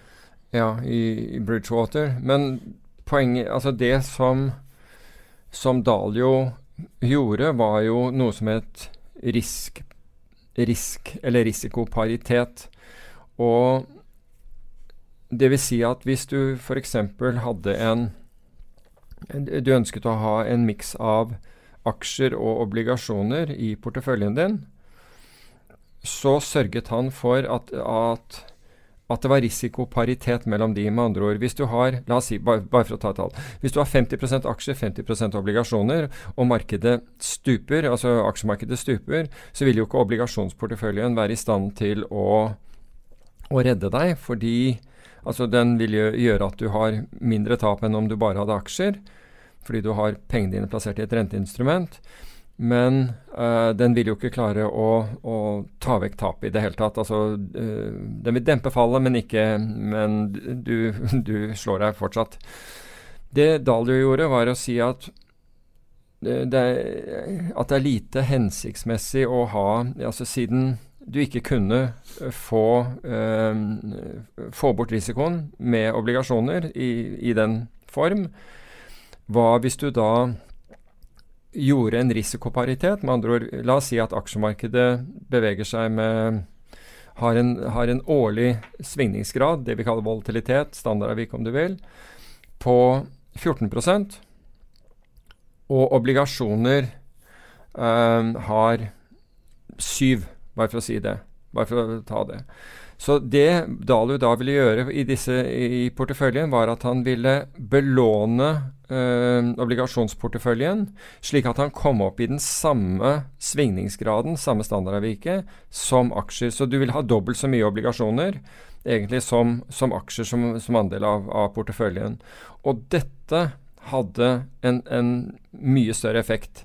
Og det gjorde han. altså Hvis du ønsker å ha å ha råvarer i porteføljen også, så vil han også risikojustere det på samme måten. slik at og det jeg alltid lurt på. altså Det viser seg at har, har du risikojusterte obli, obligasjoner på den måten fra 70-tallet, så hadde du tjent mye mer penger på å sitte med obligasjoner. Altså Hvis du hadde belånt en obligasjonsportefølje, mye, nå snakker vi statsobligasjoner, så hadde du tjent mye mer penger enn du sittet med aksjer. Og Det er ganske interessant, for alle snakker om aksjer, og, og de vil helst ikke gå inn på dette med obligasjoner. Og Årsaken til dette er jo at eh, obligasjonsrenten har falt, med andre ord kursen på obligasjoner har steget, og du ville fått en fantastisk effekt av det. Så du har egentlig tatt massevis av unødvendig risiko når du har sittet på aksjer. Så neste gang en forteller deg at det er ingenting som slår aksjer over tid, så kunne du si at det er det. Ferdig. For øvrig var det Hugh Henry som viste dette på Skagen-konferansen for noen år tilbake, og han viste den der grafen. Så det er jo egentlig det som uh, Dalio gjør, er å lage en portefølje som er da mer robust enn de tradisjonelle 50-50, 60-40 Gud forby 70-30 som, som oljefondet har i aksjer og obligasjoner. Um, og det var helt London-eiendommen. Ja. Det var liksom Ja, London-eiendom London ja, det Det er er jo fa- fantastisk. Prisene på London-eiendom og ikke bare det, men Manhattan. Ja, altså, Altså Jesus. ting man ikke trodde kunne falle, de, de er på vei ned. Um, men uh, så, så, det, så, det, er det som, som, Dalio har gjort, og det er å lage da porteføljer. Men det er klart mye vanskeligere i dag hvor rentene er så vidt lav. Da kan du ikke forvente deg å få samme effekten ut av uh, obligasjoner som, som, den gangen. Så her må man være mer kreativ og finne ting som da eventuelt kan uh, kan som, som, ikke korrelerer med aksjer, med andre ord ikke beveger seg likt med aksjer, og så, og, og så, justerer man det eh, tilsvarende. Det var det egentlig jeg hadde Siden vi ble spurt om akkurat det, så tenkte jeg jeg kunne ta den. Ja, litt uh, edle metaller, litt commodities, litt nettopp, uh, forskjellige durasjoner ja, på obligasjoner. Sørge for at, det er, altså at, at, ting er i risikoparitet, slik at, at du får den effekten du ønsker å ha. Og sikkert litt opsjon, altså long dated opsjoner Vet ikke helt hva, den porteføljen står, består i for tiden. Og mens vi er inne på det, du var, kom til Kyle Bass, så, så er jo Kyle Bass uh, han, eh, Det er også en veldig kjent hedgefondforvalter. Eh, tjente voldsomt med penger under, under finanskrisen. Og er definitivt en av de som, i hvert fall jeg føler, tenker utenfor boksen. Altså Han sier ikke det som alle andre sier. Og Bass mener jo nå at uh, renten i USA skal ned mot null. Og han mener Og, og resonnementet er jo helt enig. Altså, man låner og låner og låner penger, både på altså, den amerikanske statsforvaltningen og de, de flytter jo gjeldstaket hele tiden i USA. Og det blir som om Uh, som om uh, Hvis jeg hadde lånt penger i, i, banken og ikke klart å tilbakebetale ikke, ikke tjent nok på de pengene til å, til å, betjene rentene, så skulle jeg gå til banken og si du, lån meg penger så jeg får betjent de rentene. Og Det er klart at det er ingen bank som vil gjøre det, men det er det faktisk myndighetene gjør for tiden. Så det sitatet i artikkelen som var, var jeg syns det var helt en briljant måte å si det på. As we've all learned, once an economy falls into the tractor beam of zero rates It's almost impossible to escape them. Mm. Og det er en ganske bra beskrivelse av en sånn nullrentepolitikk som Japan har hatt.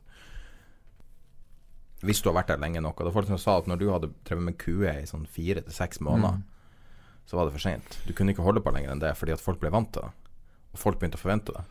Og det sekundet noe dipper 2-5% så begynner man å snakke om mer QE. Det var jo det. Ja, ja. Altså, folk tenkte at det kunne ikke være mulig. Og nå er det jo Altså Alle de her Fed-folkene som sitter og snakker øst og vest, de prøver vel bare å bevare jobben sin, skulle jeg tro. Altså jeg, ja, pro Problemet er jo at Fed eh, Men det er jo interessant fordi på den ene siden så skryter Trump av hvor fantastisk USA går, hvor fantastisk økonomien går. Og i neste øyeblikk så sier, så sier han at eh, sentralbanken må senke rentene. Så han instruerer på en måte sentralbanken til å senke rentene, og så kommer plutselig sentralbanken, som da er, som da er verbalt fått verbal juling på ukentlig basis av Trump, og, og, så finner ut at ja, her går det plutselig nå så dårlig at um, vi, vi, må senke rentene. Sannsynligvis må vi senke dem enda mer enn en disse 25 basispunktene som man, på, som man, tok sikte på, og skremme vann av det. Så kommer en ny kar ut fra samme sentralbank. altså I USA så er jo disse har man jo regionale eh, kontorer over hele USA hvor, som er styrt av Fed-guvernører. Og da kommer en ny en ut og sier men hør her, det her går ikke dårlig i det hele tatt. Vi burde jo aldri senke rentene. Så det, det er jo total kaos på denne fronten. Men faktum er at når du låner opp Altså hvis du ikke klarer å få vekst, hvis du ikke klarer å nedbetale gjelden, hvis du ikke klarer å betale renter, og du fortsetter å låne opp og fortsetter å låne opp, så på et eller annet tidspunkt så smeller det. Det er ikke, det er ikke mulig at dette det, Dette er ingen evighetsmaskin. Du kan ikke bare trykke penger. På et eller annet tidspunkt smeller det. Og det eneste som, gjør at ikke, jeg tror du ikke har sett liksom den type smell hittil, er at det, det trykkes penger i så mange land. Deriblant EU. ikke sant? Trykker penger. Japan trykker penger. Australia, Storbritannia, Sveits, Sverige trykker penger. Kina. I løpet av den siste timen Jeg skal bare åpne nå, så har Bloomberg sitert Jeg skal bare se nå. Han har snakka noe om den siste timen. Trump says, uh, says on Fed interest rates Don't miss it again. Says should move now. Det er i løpet av den siste timen. Du skal bare illustrere at det her presset er bare helt vanvittig på det. Ja, ja, ja. Og det her er real time Men det er ingen som stiller spørsmål. Altså, det, tidligere så har spørsmål. Jo, men men, man, har jo ikke Altså, det, sentralbanken har jo Det er jo en av de få tingene som, som har vært som har vært uh, uavhengig i USA, og ikke under liksom presidentens uh, kontroll. Og her bytter han jo ut folk og, og, og rett og slett styrer han. Altså eh, vanvittig bøllete opptreden, slik at sentralbanken nå gjør som han sier. Det er ja. Men det er som du sier, altså alle håper vel på at uh, at the the endgame her kommer etter at de har forlatt stillingene sine. Og, Eller vært. ja, bare skyver det. Håper du dør før det smeller. Ja, For du klarer ikke å leve med den her. de driver og skyver dette foran seg. Ja. Tenk deg den Har du sett uh, Book of Eli? Det er sånn jeg forestiller meg. Ja, da, den, ja. Ja, da, ja, da er det ganske mørkt. Ja, det, Det er sånn jeg forestiller meg USA er etter at uh, er det Will Smith som spiller, eller er det han uh, Denzel Washington. Denzel Washington? Her har vi et Ja, bilde fra Book of Eli. Her er omtrent. USA, sånn som jeg forestiller meg når Han har- det, er, han- det, det er han og hunden, er det ikke det? Jo, det er forferdelig. ja. Sånn, uh, Så da er, men da er det jo Hva er det avsagd Nei, hva er det jo, han har en avsagt dag. Ja, men hva er det Hva er det man sier? Hermetikk og Det er HHH, er det ikke det? Hermetikk, hagle og Jeg husker ikke hva det siste var. Nei, ikke heller. Uh, I farten. Hail Mary, tenker jeg. Nei, det er ikke. Hermetikk, hagle og Første jeg ga... uh, Ammunisjon Nei, hva er det ikke det. Ja, kan klippe ut det her. Uh, men uh, Hytte i Nordmarka. Hva det kan være? Hermetikk, hagle og en til ting. Det er én ting. H. Men i hvert fall Bass sa- sa- satser på, på det, og han tror jo at eh, han tror jo at dette det går til null, fordi det er ikke mulig å, å holde dette her gående. Og hva er den mest crowded traden? Ja, jeg så den der fra Det var Bank of America. Var det, de påstår å være long amerikansk stat, men hvis du ser på Nei, altså de hadde stilt et sånt spørsmål på eh, eh, Bank of America Global Fund Manager Survey. Ja. Hva er du bullish og bearish? Og her har du oversikten over hva som er de største svarene på det. Ja. Men det er motsatt. Altså hvis du ser på COTS-dataene fra USA, så er hedgefondet short faktisk Treasury. Både, både 10 og, og 30 år. Jeg vet ikke hva Global M eh, FMS hva det innebærer. Altså Om det kun er hedgefond, eller om det er Nei, dette kan ikke være hedgefond. spurt. altså. Ja, nei, dette må være long uh, Dette må være long only, tenker jeg. Men du Fordi- ser de siste to månedene, altså Mm. juni og juli, så er det long treasuries. Før var det long US Tech, som var i Mm. mai. Så var det short European Equities i april og mars. Februar lang long EM, men da var det jo veldig lite. Så sist gang vi hadde en skikkelig, skikkelig stor trend, så var i fjor sommer, som var long eh, FENG-aksjer. Mm. Altså de IT-aksjene. Så så var det desember 2017, long bitcoin. Ja. Det var veldig mye feng. Veldig, veldig Ett år der feng var en crowded trade. En skikkelig crowded trade. Skal vi ta kort om bitcoin mens du nevner den, eller mens du er inne på den? Ja Absolutt. Hva, hva er det å si om bitcoin? da? Nei, altså det, det, det som er å si om er at Trump har gått ut mot det. At, at Ikke gått ut på bitcoin, han Jo, gått ut mot jo nei, nei, han, nei, nei han, nevnte, han nevnte bitcoin. I'm not a fan of it, sa han. I'm not a fan of bitcoin. Men poenget er selvfølgelig er ikke han Ja, den der er ganske interessant. Kan ikke du bare switche tilbake til den? Det, det, er, er flere ting. Minn meg på den der Trump-uttalelsen. Fordi Ja. ny studie 95% av all bitcoin-handel er manipulert. Det er altså Det er ikke manipulert fordi man kjøper og selger bitcoin på samme kurs. Altså, du flytter ikke det. Du, du, du kan manipulere volumtallene, det er mulig. Men det interessante her at dette er, dette er kanskje 10 prosentpoeng mer enn det valutamarkedet. Altså valutamarkedet er 80% spekulativt. Så det er ganske interessant når, når, når det blir brukt som et argument mot bitcoin eller kryptovalutaer, og vi har de reelle valutaene er like spekulative, omtrent like spekulative, og så nevner man ikke det. Men er ikke det litt det, sånn som er, det er hva jeg kaller dårlig journalisme. Jo, men hvis du går på NRK nå, og så scroller du ned noen få scroller, så får du nok en sak om at de her elektriske sparkesyklene er så farlige. Og det er fordi at de har bestemt seg for å skrive og lage storyer hver eneste dag om det, fordi det er veldig populært. Blir ikke det litt det samme som bitcoin? At nå hater vi elektriske sparkesykler, så skal vi gå etter dem, og så ringer vi dem vi vet hater det, og så blir det en story fordi at vi vet at det blir klikka mye på. Mm. Er ikke det litt det samme som bitcoin? Altså DN vet jo at det der genererer masse trafikk. Jo, det, masse. det kan godt hende at det er det. Det kan godt hende at det er det.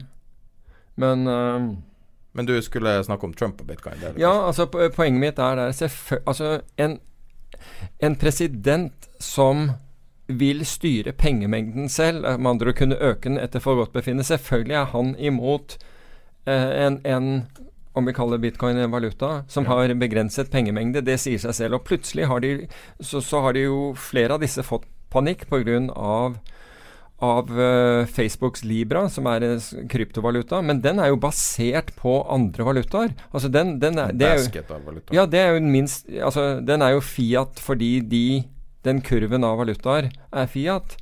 Men, men ikke for noe annet. Det er jo en bestemt mengde, det også. Men nå har man og, Men der All ære til Zuckerberg. Som da bare snudde seg og sa det der gidder jeg ikke å høre på. Jeg, jeg, jeg stopper ikke min Jeg, jeg stopper ikke øh, hva heter det for noe? Altså utviklingen og, og, og det jeg har tenkt å gjøre, bare fordi om noen politikere øh, ikke klarer å, å på en måte innse at dette, dette, han tror dette er fremtiden. Så det De er sier at det er den tingen som er mest researcha eh, Altså som Facebook noensinne har gjort. Det største prosjektet de noensinne har gjort. Ja. Altså forarbeidet. Og hvis du ser partene og tenker deg hvor mye, hvor mye diskusjoner Mm. og kontrakter det har vært, og konstruksjonen er overraskende robust, så jeg tror at det her Det her eh, sannsynligvis er ganske robust. Spørsmålet om det er mulig å regulere det bort i det hele tatt.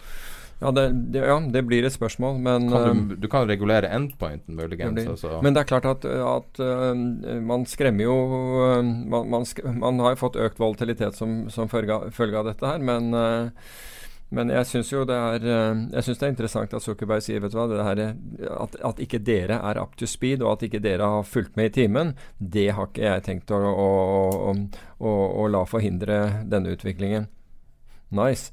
Hvor Uh, gammel tror du hun som står bak det, Altså hele prosjektet? Det er ei dame som står bak det, internt i Facebook. Hvor gammel tror du? aner ikke. 26. Ah, det Det gjorde meg litt skeptisk. Nei, ikke nødvendigvis, for altså de har eh, altså de har, hun, har, hun har vel mer peiling. Hun har, hun er jo på en måte vokst opp i dette her. Jeg tenker tenke, Så hun har jo det kjempepeiling. altså, Vil du ikke at folk skal være litt grounded, liksom? Hvor gammel Ja. var hun da finanskrisa var? liksom? Ja. Men uh, Altså hun var førsteåret på videregående, eller hva det blir? Hun var på ungdomsskolen? Men, det, men dette er ikke finanskrisen. Altså det, det, det, Nei, mener altså dette var svaret på Ja, dette var svaret på finanskrisen. Så hun, hun, hun stiller jo på en måte med mer blanke ark enn noen, fordi eh, ja. det, dette var jo et svar på finanskrisen. Men det var litt interessant, fordi mens vi Jeg har har ikke tenkt å bli veldig mye på krypto, men det har vært en del eh, meninger om blockchain også på, på Facebook-gruppen, og hvorfor ikke blockchain fungerer. Eller at, hvorfor ikke det er fremtiden. Og det som er interessant der, syns jeg, det er at når det gjelder blockchain, så, så snakker folk om at ja, det, det, den har ikke kapasitet, det går ikke fort nok osv. Hør her. Altså Den første blockchain, det var gjennom bitcoin. Er ti, den er ti år gammel. Fi, og så, altså Fire år senere så kom E- Ethereum med, med, sin egen blockchain. Og nå har du Nair, eh, eh, Nair-protokollen, som er vesentlig raskere, som bruker en helt annen teknologi. Og Altså, så har du, du masse forks av bitcoin i tillegg. ja, men altså, greiene er Du kan ikke dømme altså det, er, det er som å dømme altså det, er, det er som å dømme fremtiden av biler på basis av den første T-Forden. Altså, det, det, altså Du kan ikke gjøre det, fordi det, det er teknologi, teknologi som hele tiden forandrer seg, som hele tiden forbedrer seg, som finner helt nye måter å løse problemer på. Så Nei, Så- så jeg er enig så med ditt resonnement. Resonnementet ditt opprinnelig var uh, Hvis det her er Amazon i 2030-2040, så vil jeg eie en del av det nå. mm, Og det, det er et bra resonnement. Du trenger liksom ikke å vite akkurat hvordan det utspiller seg, men det du trenger å skjønne, er at det her kan være noe stort. Og, Og, og det anvendes jo allerede i den formen eh, som, som er tilgjengelig i dag. Anvendes jo bl.a. av Mersk, altså rederiet Mersk. Det anvendes av JP Morgan. altså Det er flere som har funnet eh, måter å gjøre dette, dette og anvendelse, og det forbedres stadig. Så, så the, the jury is still out on this one. Det er i hvert fall helt sikkert. Grunnen til at jeg liker det Facebook- Facebook-prosjektet, det er at det ikke har det spekulative preget som bitcoin har hatt. Grunnen til at folk har snakka opp og ned og hundre Altså hundrevis av tusen av artikler, i hvert fall i Europa og i verden, millioner av artikler som er skrevet om det. Det er jo bare fordi at altså folk som spesielt sterke meninger for, er jo bare fordi de eier bitcoin og vil at det skal stige i verdi. Det er jo noe mer komplisert enn det. Det er ikke sånn plutselig alle de her folkene dritopptatt av å være teknologer. De vil ha en pengemaskin. Ja. Jeg så en sånn idiot som la det ut en Men blokkjede er ikke bitcoin, det er det som er poenget. Jo, jo, men altså Ja, ok. Det kan Det, det, var kan, det. Det var det for ti år siden. Var Jo, det men be that as it may. Ja. Altså, altså, det er bitcoin man snakker om fortsatt i veldig stor grad. ja, ja.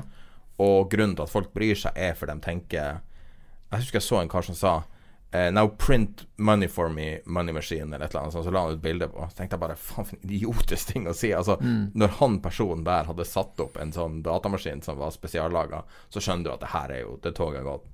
Og det at det brukes mye strøm og sånn, det, det er jo rimelig idiotisk. Men hvis du da tar bort det elementet, og du får jo en viss spekulering i forhold til de her uh, nodene som yeah. da i praksis holder nettverket oppe og gå, men genererer penger. Men det blir ikke den samme type sånn mining-kulturen som Nei. har vært med bitcoin. Og grunnen til at du miner, er jo fordi at du skal bokstavelig talt lete etter penger. Det, men det er jo rimelig idiotisk. Det er det som er grunnen til at folk er så skeptiske. Det er så idiotisk at penger bare dukker opp, og så er det plutselig verdt noe. Men hvis du fjerner det elementet, som Facebook egentlig har gjort, med å da grounde det her i en global basket, så er det ikke så dumt. Nei. Jeg, jeg syns heller ikke det. Så jeg, så jeg, altså det å dømme det nord og ned nå, det, det tror jeg er eh, altfor tidlig. Hva det blir Men det gjør det. Så ikke Ja. altså, hvis, du, hvis du Altså, du har en kommentator i DN som har gått veldig, veldig hardt ut mot all krypto, og sier det er det dummeste på jorda. Eh, og hvis du er enig med han, så er det jo altså Det er mange som tenker sånn. mm. Ja. Så, men, men, men hvis det er Amazon, så Men, men samme resonnement så syns man fiat valutaer er smart, eller? Ja, det har antageligvis ikke tatt stilling til. Ja, men ok, hvis, eh, helt sånn, hvis man skal ha gullstandard tilbake, da, da kan du glemme vekst, i hvert fall. ja. Det er det jeg ikke skjønner med de konspirasjonsteoretikerne. Ja. Eller altså, Donald Trump har jo tidligere vært fan av gullstandard. Liksom. Bare skjønner du hva det innebærer? Da bare kveler du alle. Ja, er det Det hadde jo vært det beste nå å få vaska ut alt. Ja. Hadde vi gjort som Island. Island har jo kommet tilbake etter finanskrisen. Det var jo forferdelig noen år. ja, ja. Og nå er det jo masse nye ting, fordi de fikk vaska ut all driten. De fikk skikkelig oppgjør med moral hazard, og bare ferdig. ja. Én stor sveip, masse arrestasjoner. Eneste sted på jorda de gjør det. ja. Og nå har du ei global finanskrise som, som, som ligger fram i tid, som er så stor at Altså, det, går ikke an å forestille seg hvor mye risk det er nå, hvis du sammenligner med hva vi hadde. For vi tok jo aldri oppgjør med det. Så alle svindlerne er ute. Alle svindlerne er ute. Og, og altså, Enron-folkene er ute av fengsel nå. Ja. De sitter jo Det er en ny vår. og planlegger Beklager litt sånn Red Bull-rent her, men de sitter jo nå og forbereder seg på Enron 2 igjen. Jeg tenkte, Vi trodde jo Enron var helt gigantisk. Det, var jo, det er jo peanuts. sant? Kan vi ta den tredje hedgefondforvalteren som vi skal snakke om i dag? Bill Ackerman er tilbake. Ja. Og det er litt ålreit, fordi han har jo hatt noen, noen dårlige år. Men det, hadde han det har han jaggu ikke hatt uh, i år. Fordi han er opp Sjekk dette her. Fondet hans er opp 42% i år. Og det, det var nok uh, kjærkomment. Men enda bedre Enda bedre. For, og dette, dette er jo et, et eh, fond med eh, eh, som, som eh, noteres på børs. Så, så hvis du skal altså Normalt sett med, med sånne, det de kaller closed end funds, er at i, i hvert fall i Storbritannia, hvor dette det handles i Storbritannia, det handles i Amsterdam, London og i Amsterdam. Det handler vanlige, Denne type fond handler med ca. 5% rabatt øh, i snitt. Hans fond, til tross for at det er opp da eh, 42% i år, handles med 29% rabatt. Dvs. Si at Bill Ackman er opp 71% i år. Så kan du si at ja, men den er ikke opp 71. Hvis jeg skal selge den, så, så, så får jeg ikke mer enn en oppgangen på 42% Men Bill Ackman har nå har nå eh, gått til generalforsamlingen, og han skal da låne opp 400 millioner dollar for bl.a. å kjøpe egne aksjer. Og det er klart at det er superlønnsomt, det, i et, eh, i, eh, hvis, du, har- hvis du har 29 rabatt på, på aksjene dine. Så Altså, det her er Altså, jeg prøvde å forstå. Det er robbing Peter to pay Paul, egentlig. Nei, det er ikke det. Altså, det er jo egentlig bare å, å, å synliggjøre verdiene. Du, du kan altså vi, Bra markedsføring, i hvert fall. Ja, men det du kan gjøre Altså, han kan da kjøpe tilbake egne aksjer og nulle disse aksjene. Altså, det er, det er Altså, det er Dette er jo det bedrifter gjør av og til når Eller det er, jo det de gjør hele tiden nå. Altså, de kjøper egne aksjer. Dette er jo det samme. Han låner da 400 millioner dollar for å kjøpe egne aksjer. Så men det, det fantastiske er altså Han slår den virkelig ut av parken i år, for i, i, i reelt sett så er han opp 71% Og det er ikke dårlig på et halvt år. Så ære være han. Men jeg syns det er en uh... Vi har et stort tema som jeg tror vi flytter til neste gang. og, det er ikke The Humming, skal- det er ikke The Hummingbird Project. Nei, det er et lite Så jeg har to store. Nei, jeg ville at du skulle snakke litt om Kina. Jeg satt i hele natt og leste om, eh, om eh, kinesiske gjeldsnivåer. Skal sove om natten. Ja, men jeg trenger ikke å ta det. Det, det blir så, så spekulativt og alt sånn. Men det, det er litt spesielt å følge med på Jeg satt og fulgte med på Shaibor og Mm. ja, Dritt. Uh, Gjeldmage... Gjeld... Gjeld Gjeldmargen... Gjeld- Gjeldarmageddon. Ja. Uh, Gjeldmargeddon hadde jeg kalt det. Med det kanskje til, uh, til neste At vi har nok av data fram til neste episode. Mm. Men, uh, men vi kan avslutte med Nå har vi jo holdt på en god stund. Altså, det er jo folk som vil at vi skal lage lengre episoder, men jeg klarer ikke. Men The Hummingbird Project kan vi vel ta. Ja, men jeg har masse energi fortsatt, og vi er på slutten av episoden. Ja. Selv om det er ganske varmt her når jeg har skrudd av aircondition. Jeg merker ingenting, men uh... Eh, jeg har på meg ullskjorte, for det var så kaldt her Det var så kaldt her i stad pga. aircondition.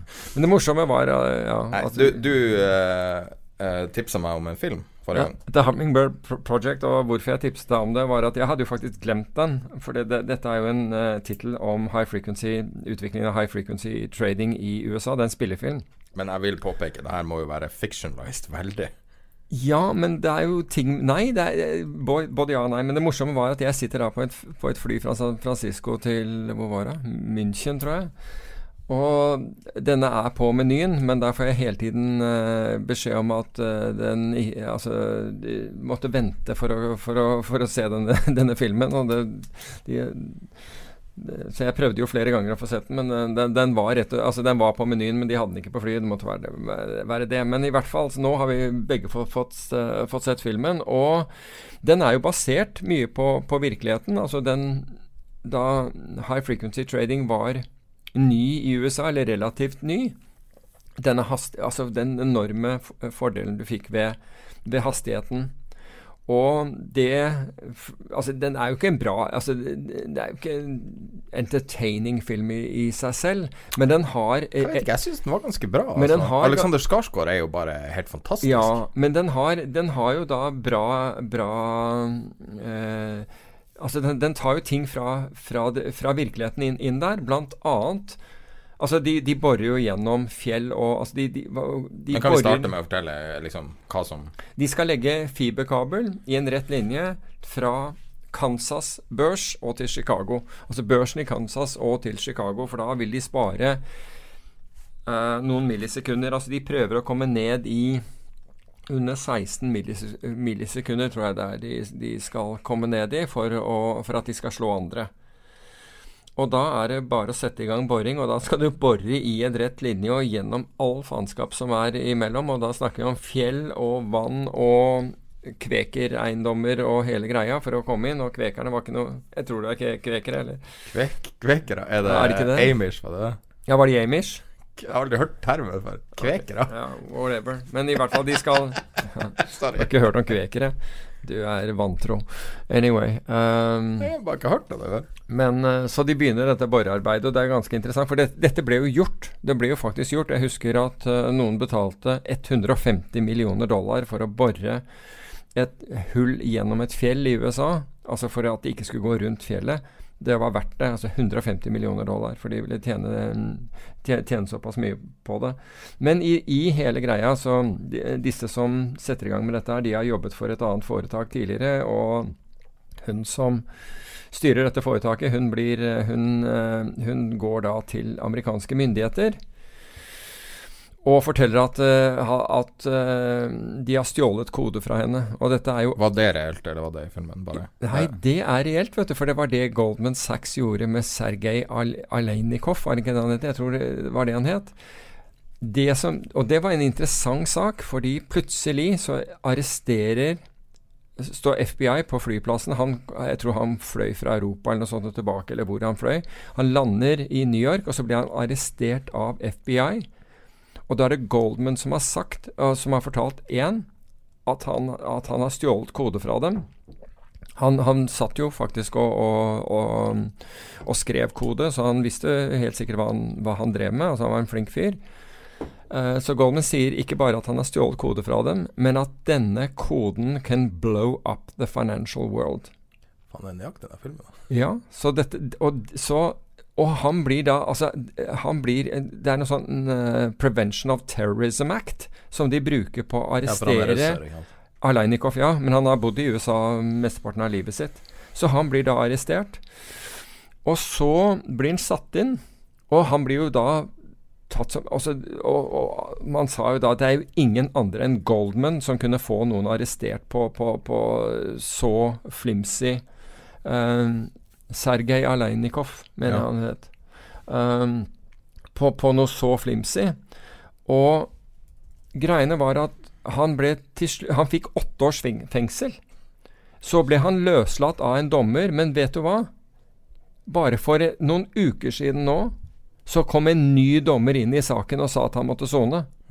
Og greiene var at det som Aleinikov Han ser filmen, eller? Hva sier du? Ja, Det er helt merkelig. Men det som Alainikov stjal, da, eller, eller hadde med seg, det var open source.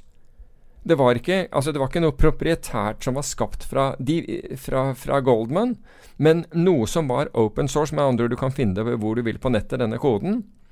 Men Goldman klarte da å si at dette, var, dette kunne blow up the financial markets.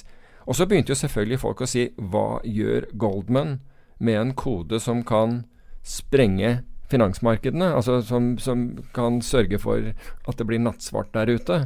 Og det svarte jo aldri Goldman på.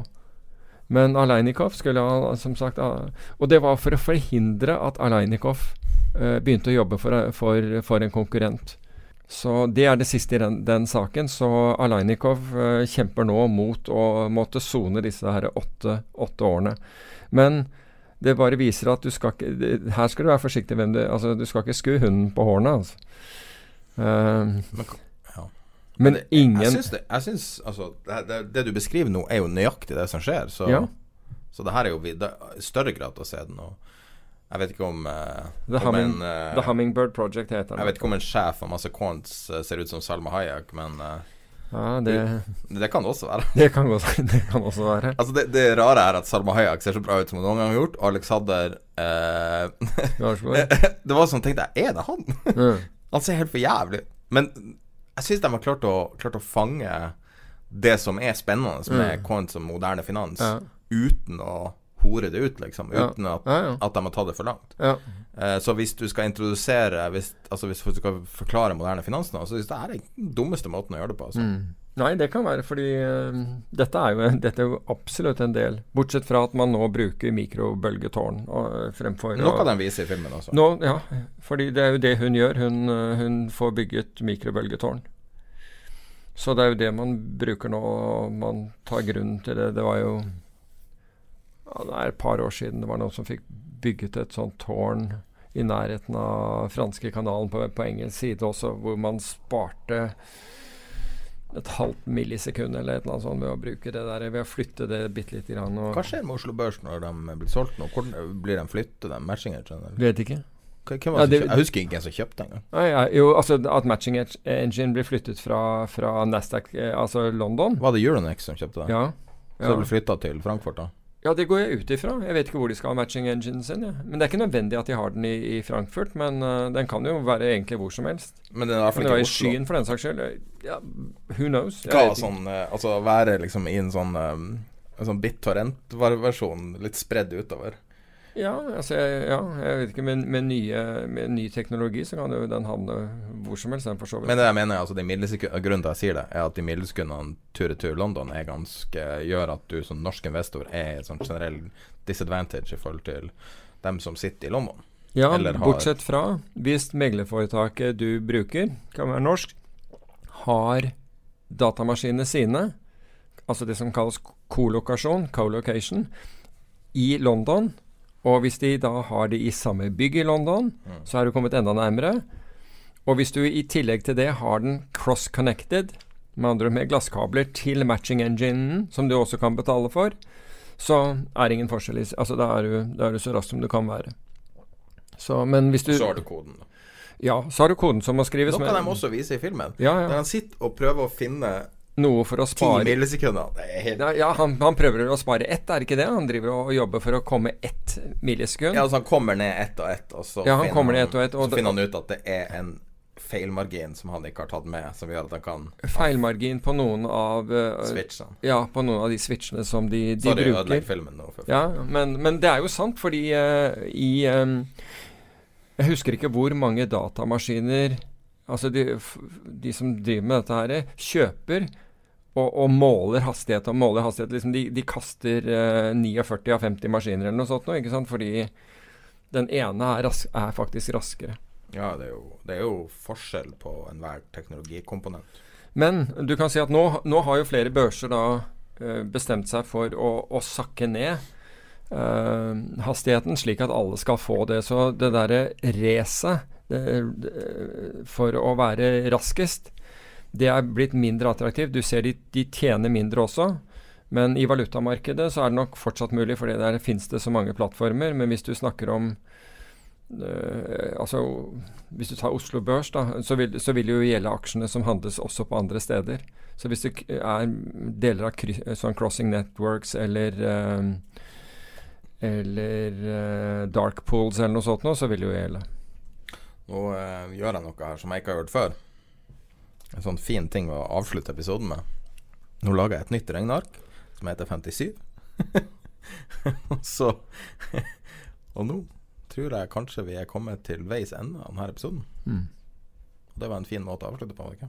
Jo, den var, den var rørende. Men jeg syns det var ganske uvanlig interessant eh, det temaet vi liksom randomly kom innom i dag. Så eh, dere visste Hvis det her var ikke det man ønsker av en finanspodkast, så beklager det. Men det er et sånn evig spørsmål. Blir man lykkelig av penger? Finans, finans og penger henger jo fortsatt sammen før, før alt går krypto. Litt sånn som at uh, eh, store yachter er interessant for folk som er interessert i finans. Det bare er sånn. Har du sett yachten som ligger i Oslo? Jazz. Nei. Det står at det ikke er verdens største. Y nei, YAS. Samme som uh, Jeg dumpa over den. Jeg skjønte faktisk Jazz er samme som uh, Formel 1-banen i Abu Dhabi heter. Og Jazz Marina. Hva er det det betyr? vet du det? Har ikke peiling. Det er et gammelt krigsskip bygd om. Plutselig uh, uh, Plutselig ligger det i Oslo.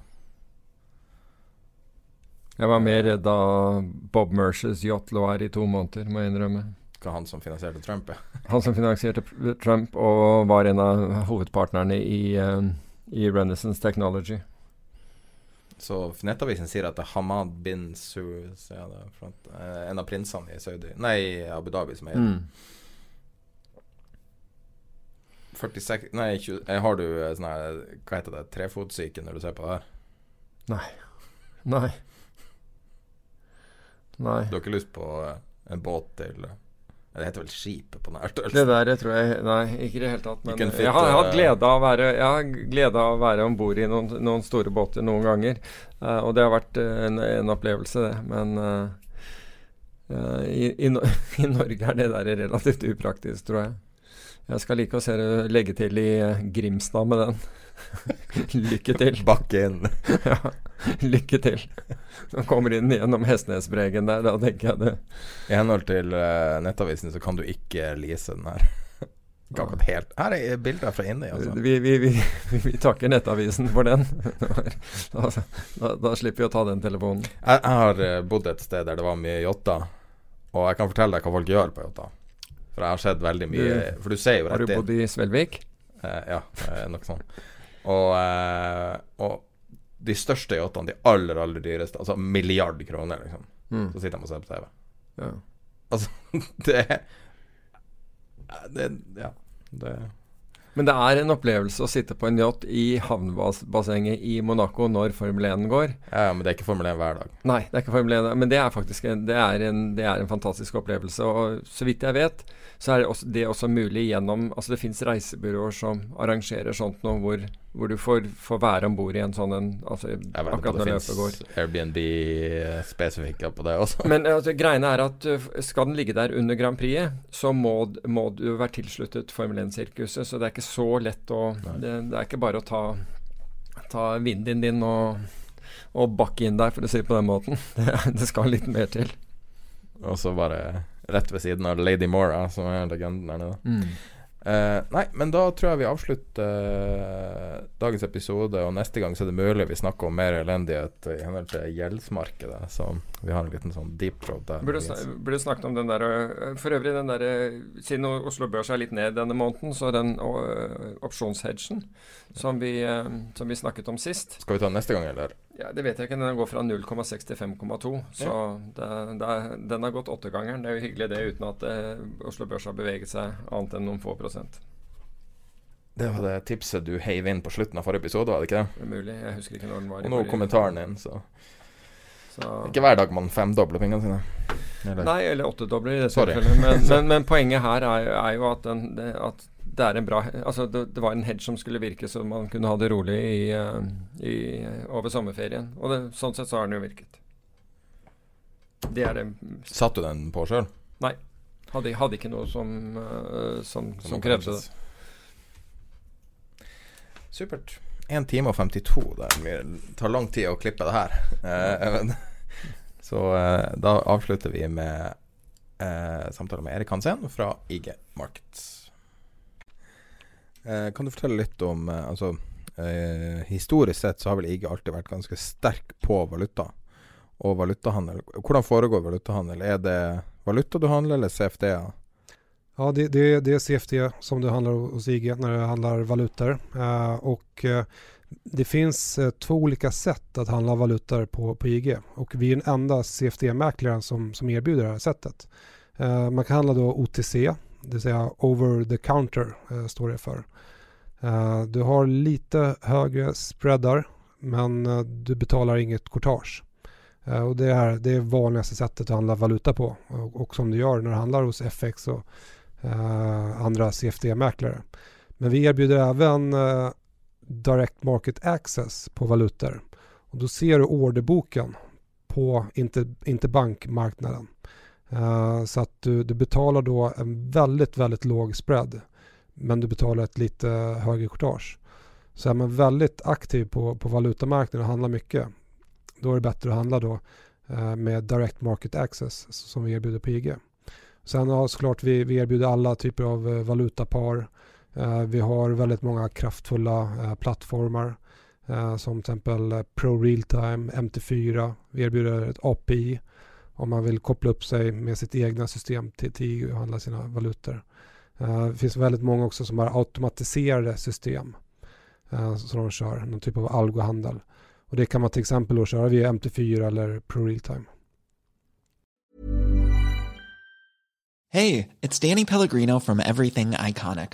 Ready to upgrade your style game without blowing your budget? Check out Quince. They've got all the good stuff shirts and polos, activewear, and fine leather goods, all at 50 to 80% less than other high end brands. And the best part? They're all about safe, ethical, and responsible manufacturing. Get that luxury vibe without the luxury price tag. Hit up quince.com slash upgrade for free shipping and 365 day returns on your next order. That's quince.com slash upgrade.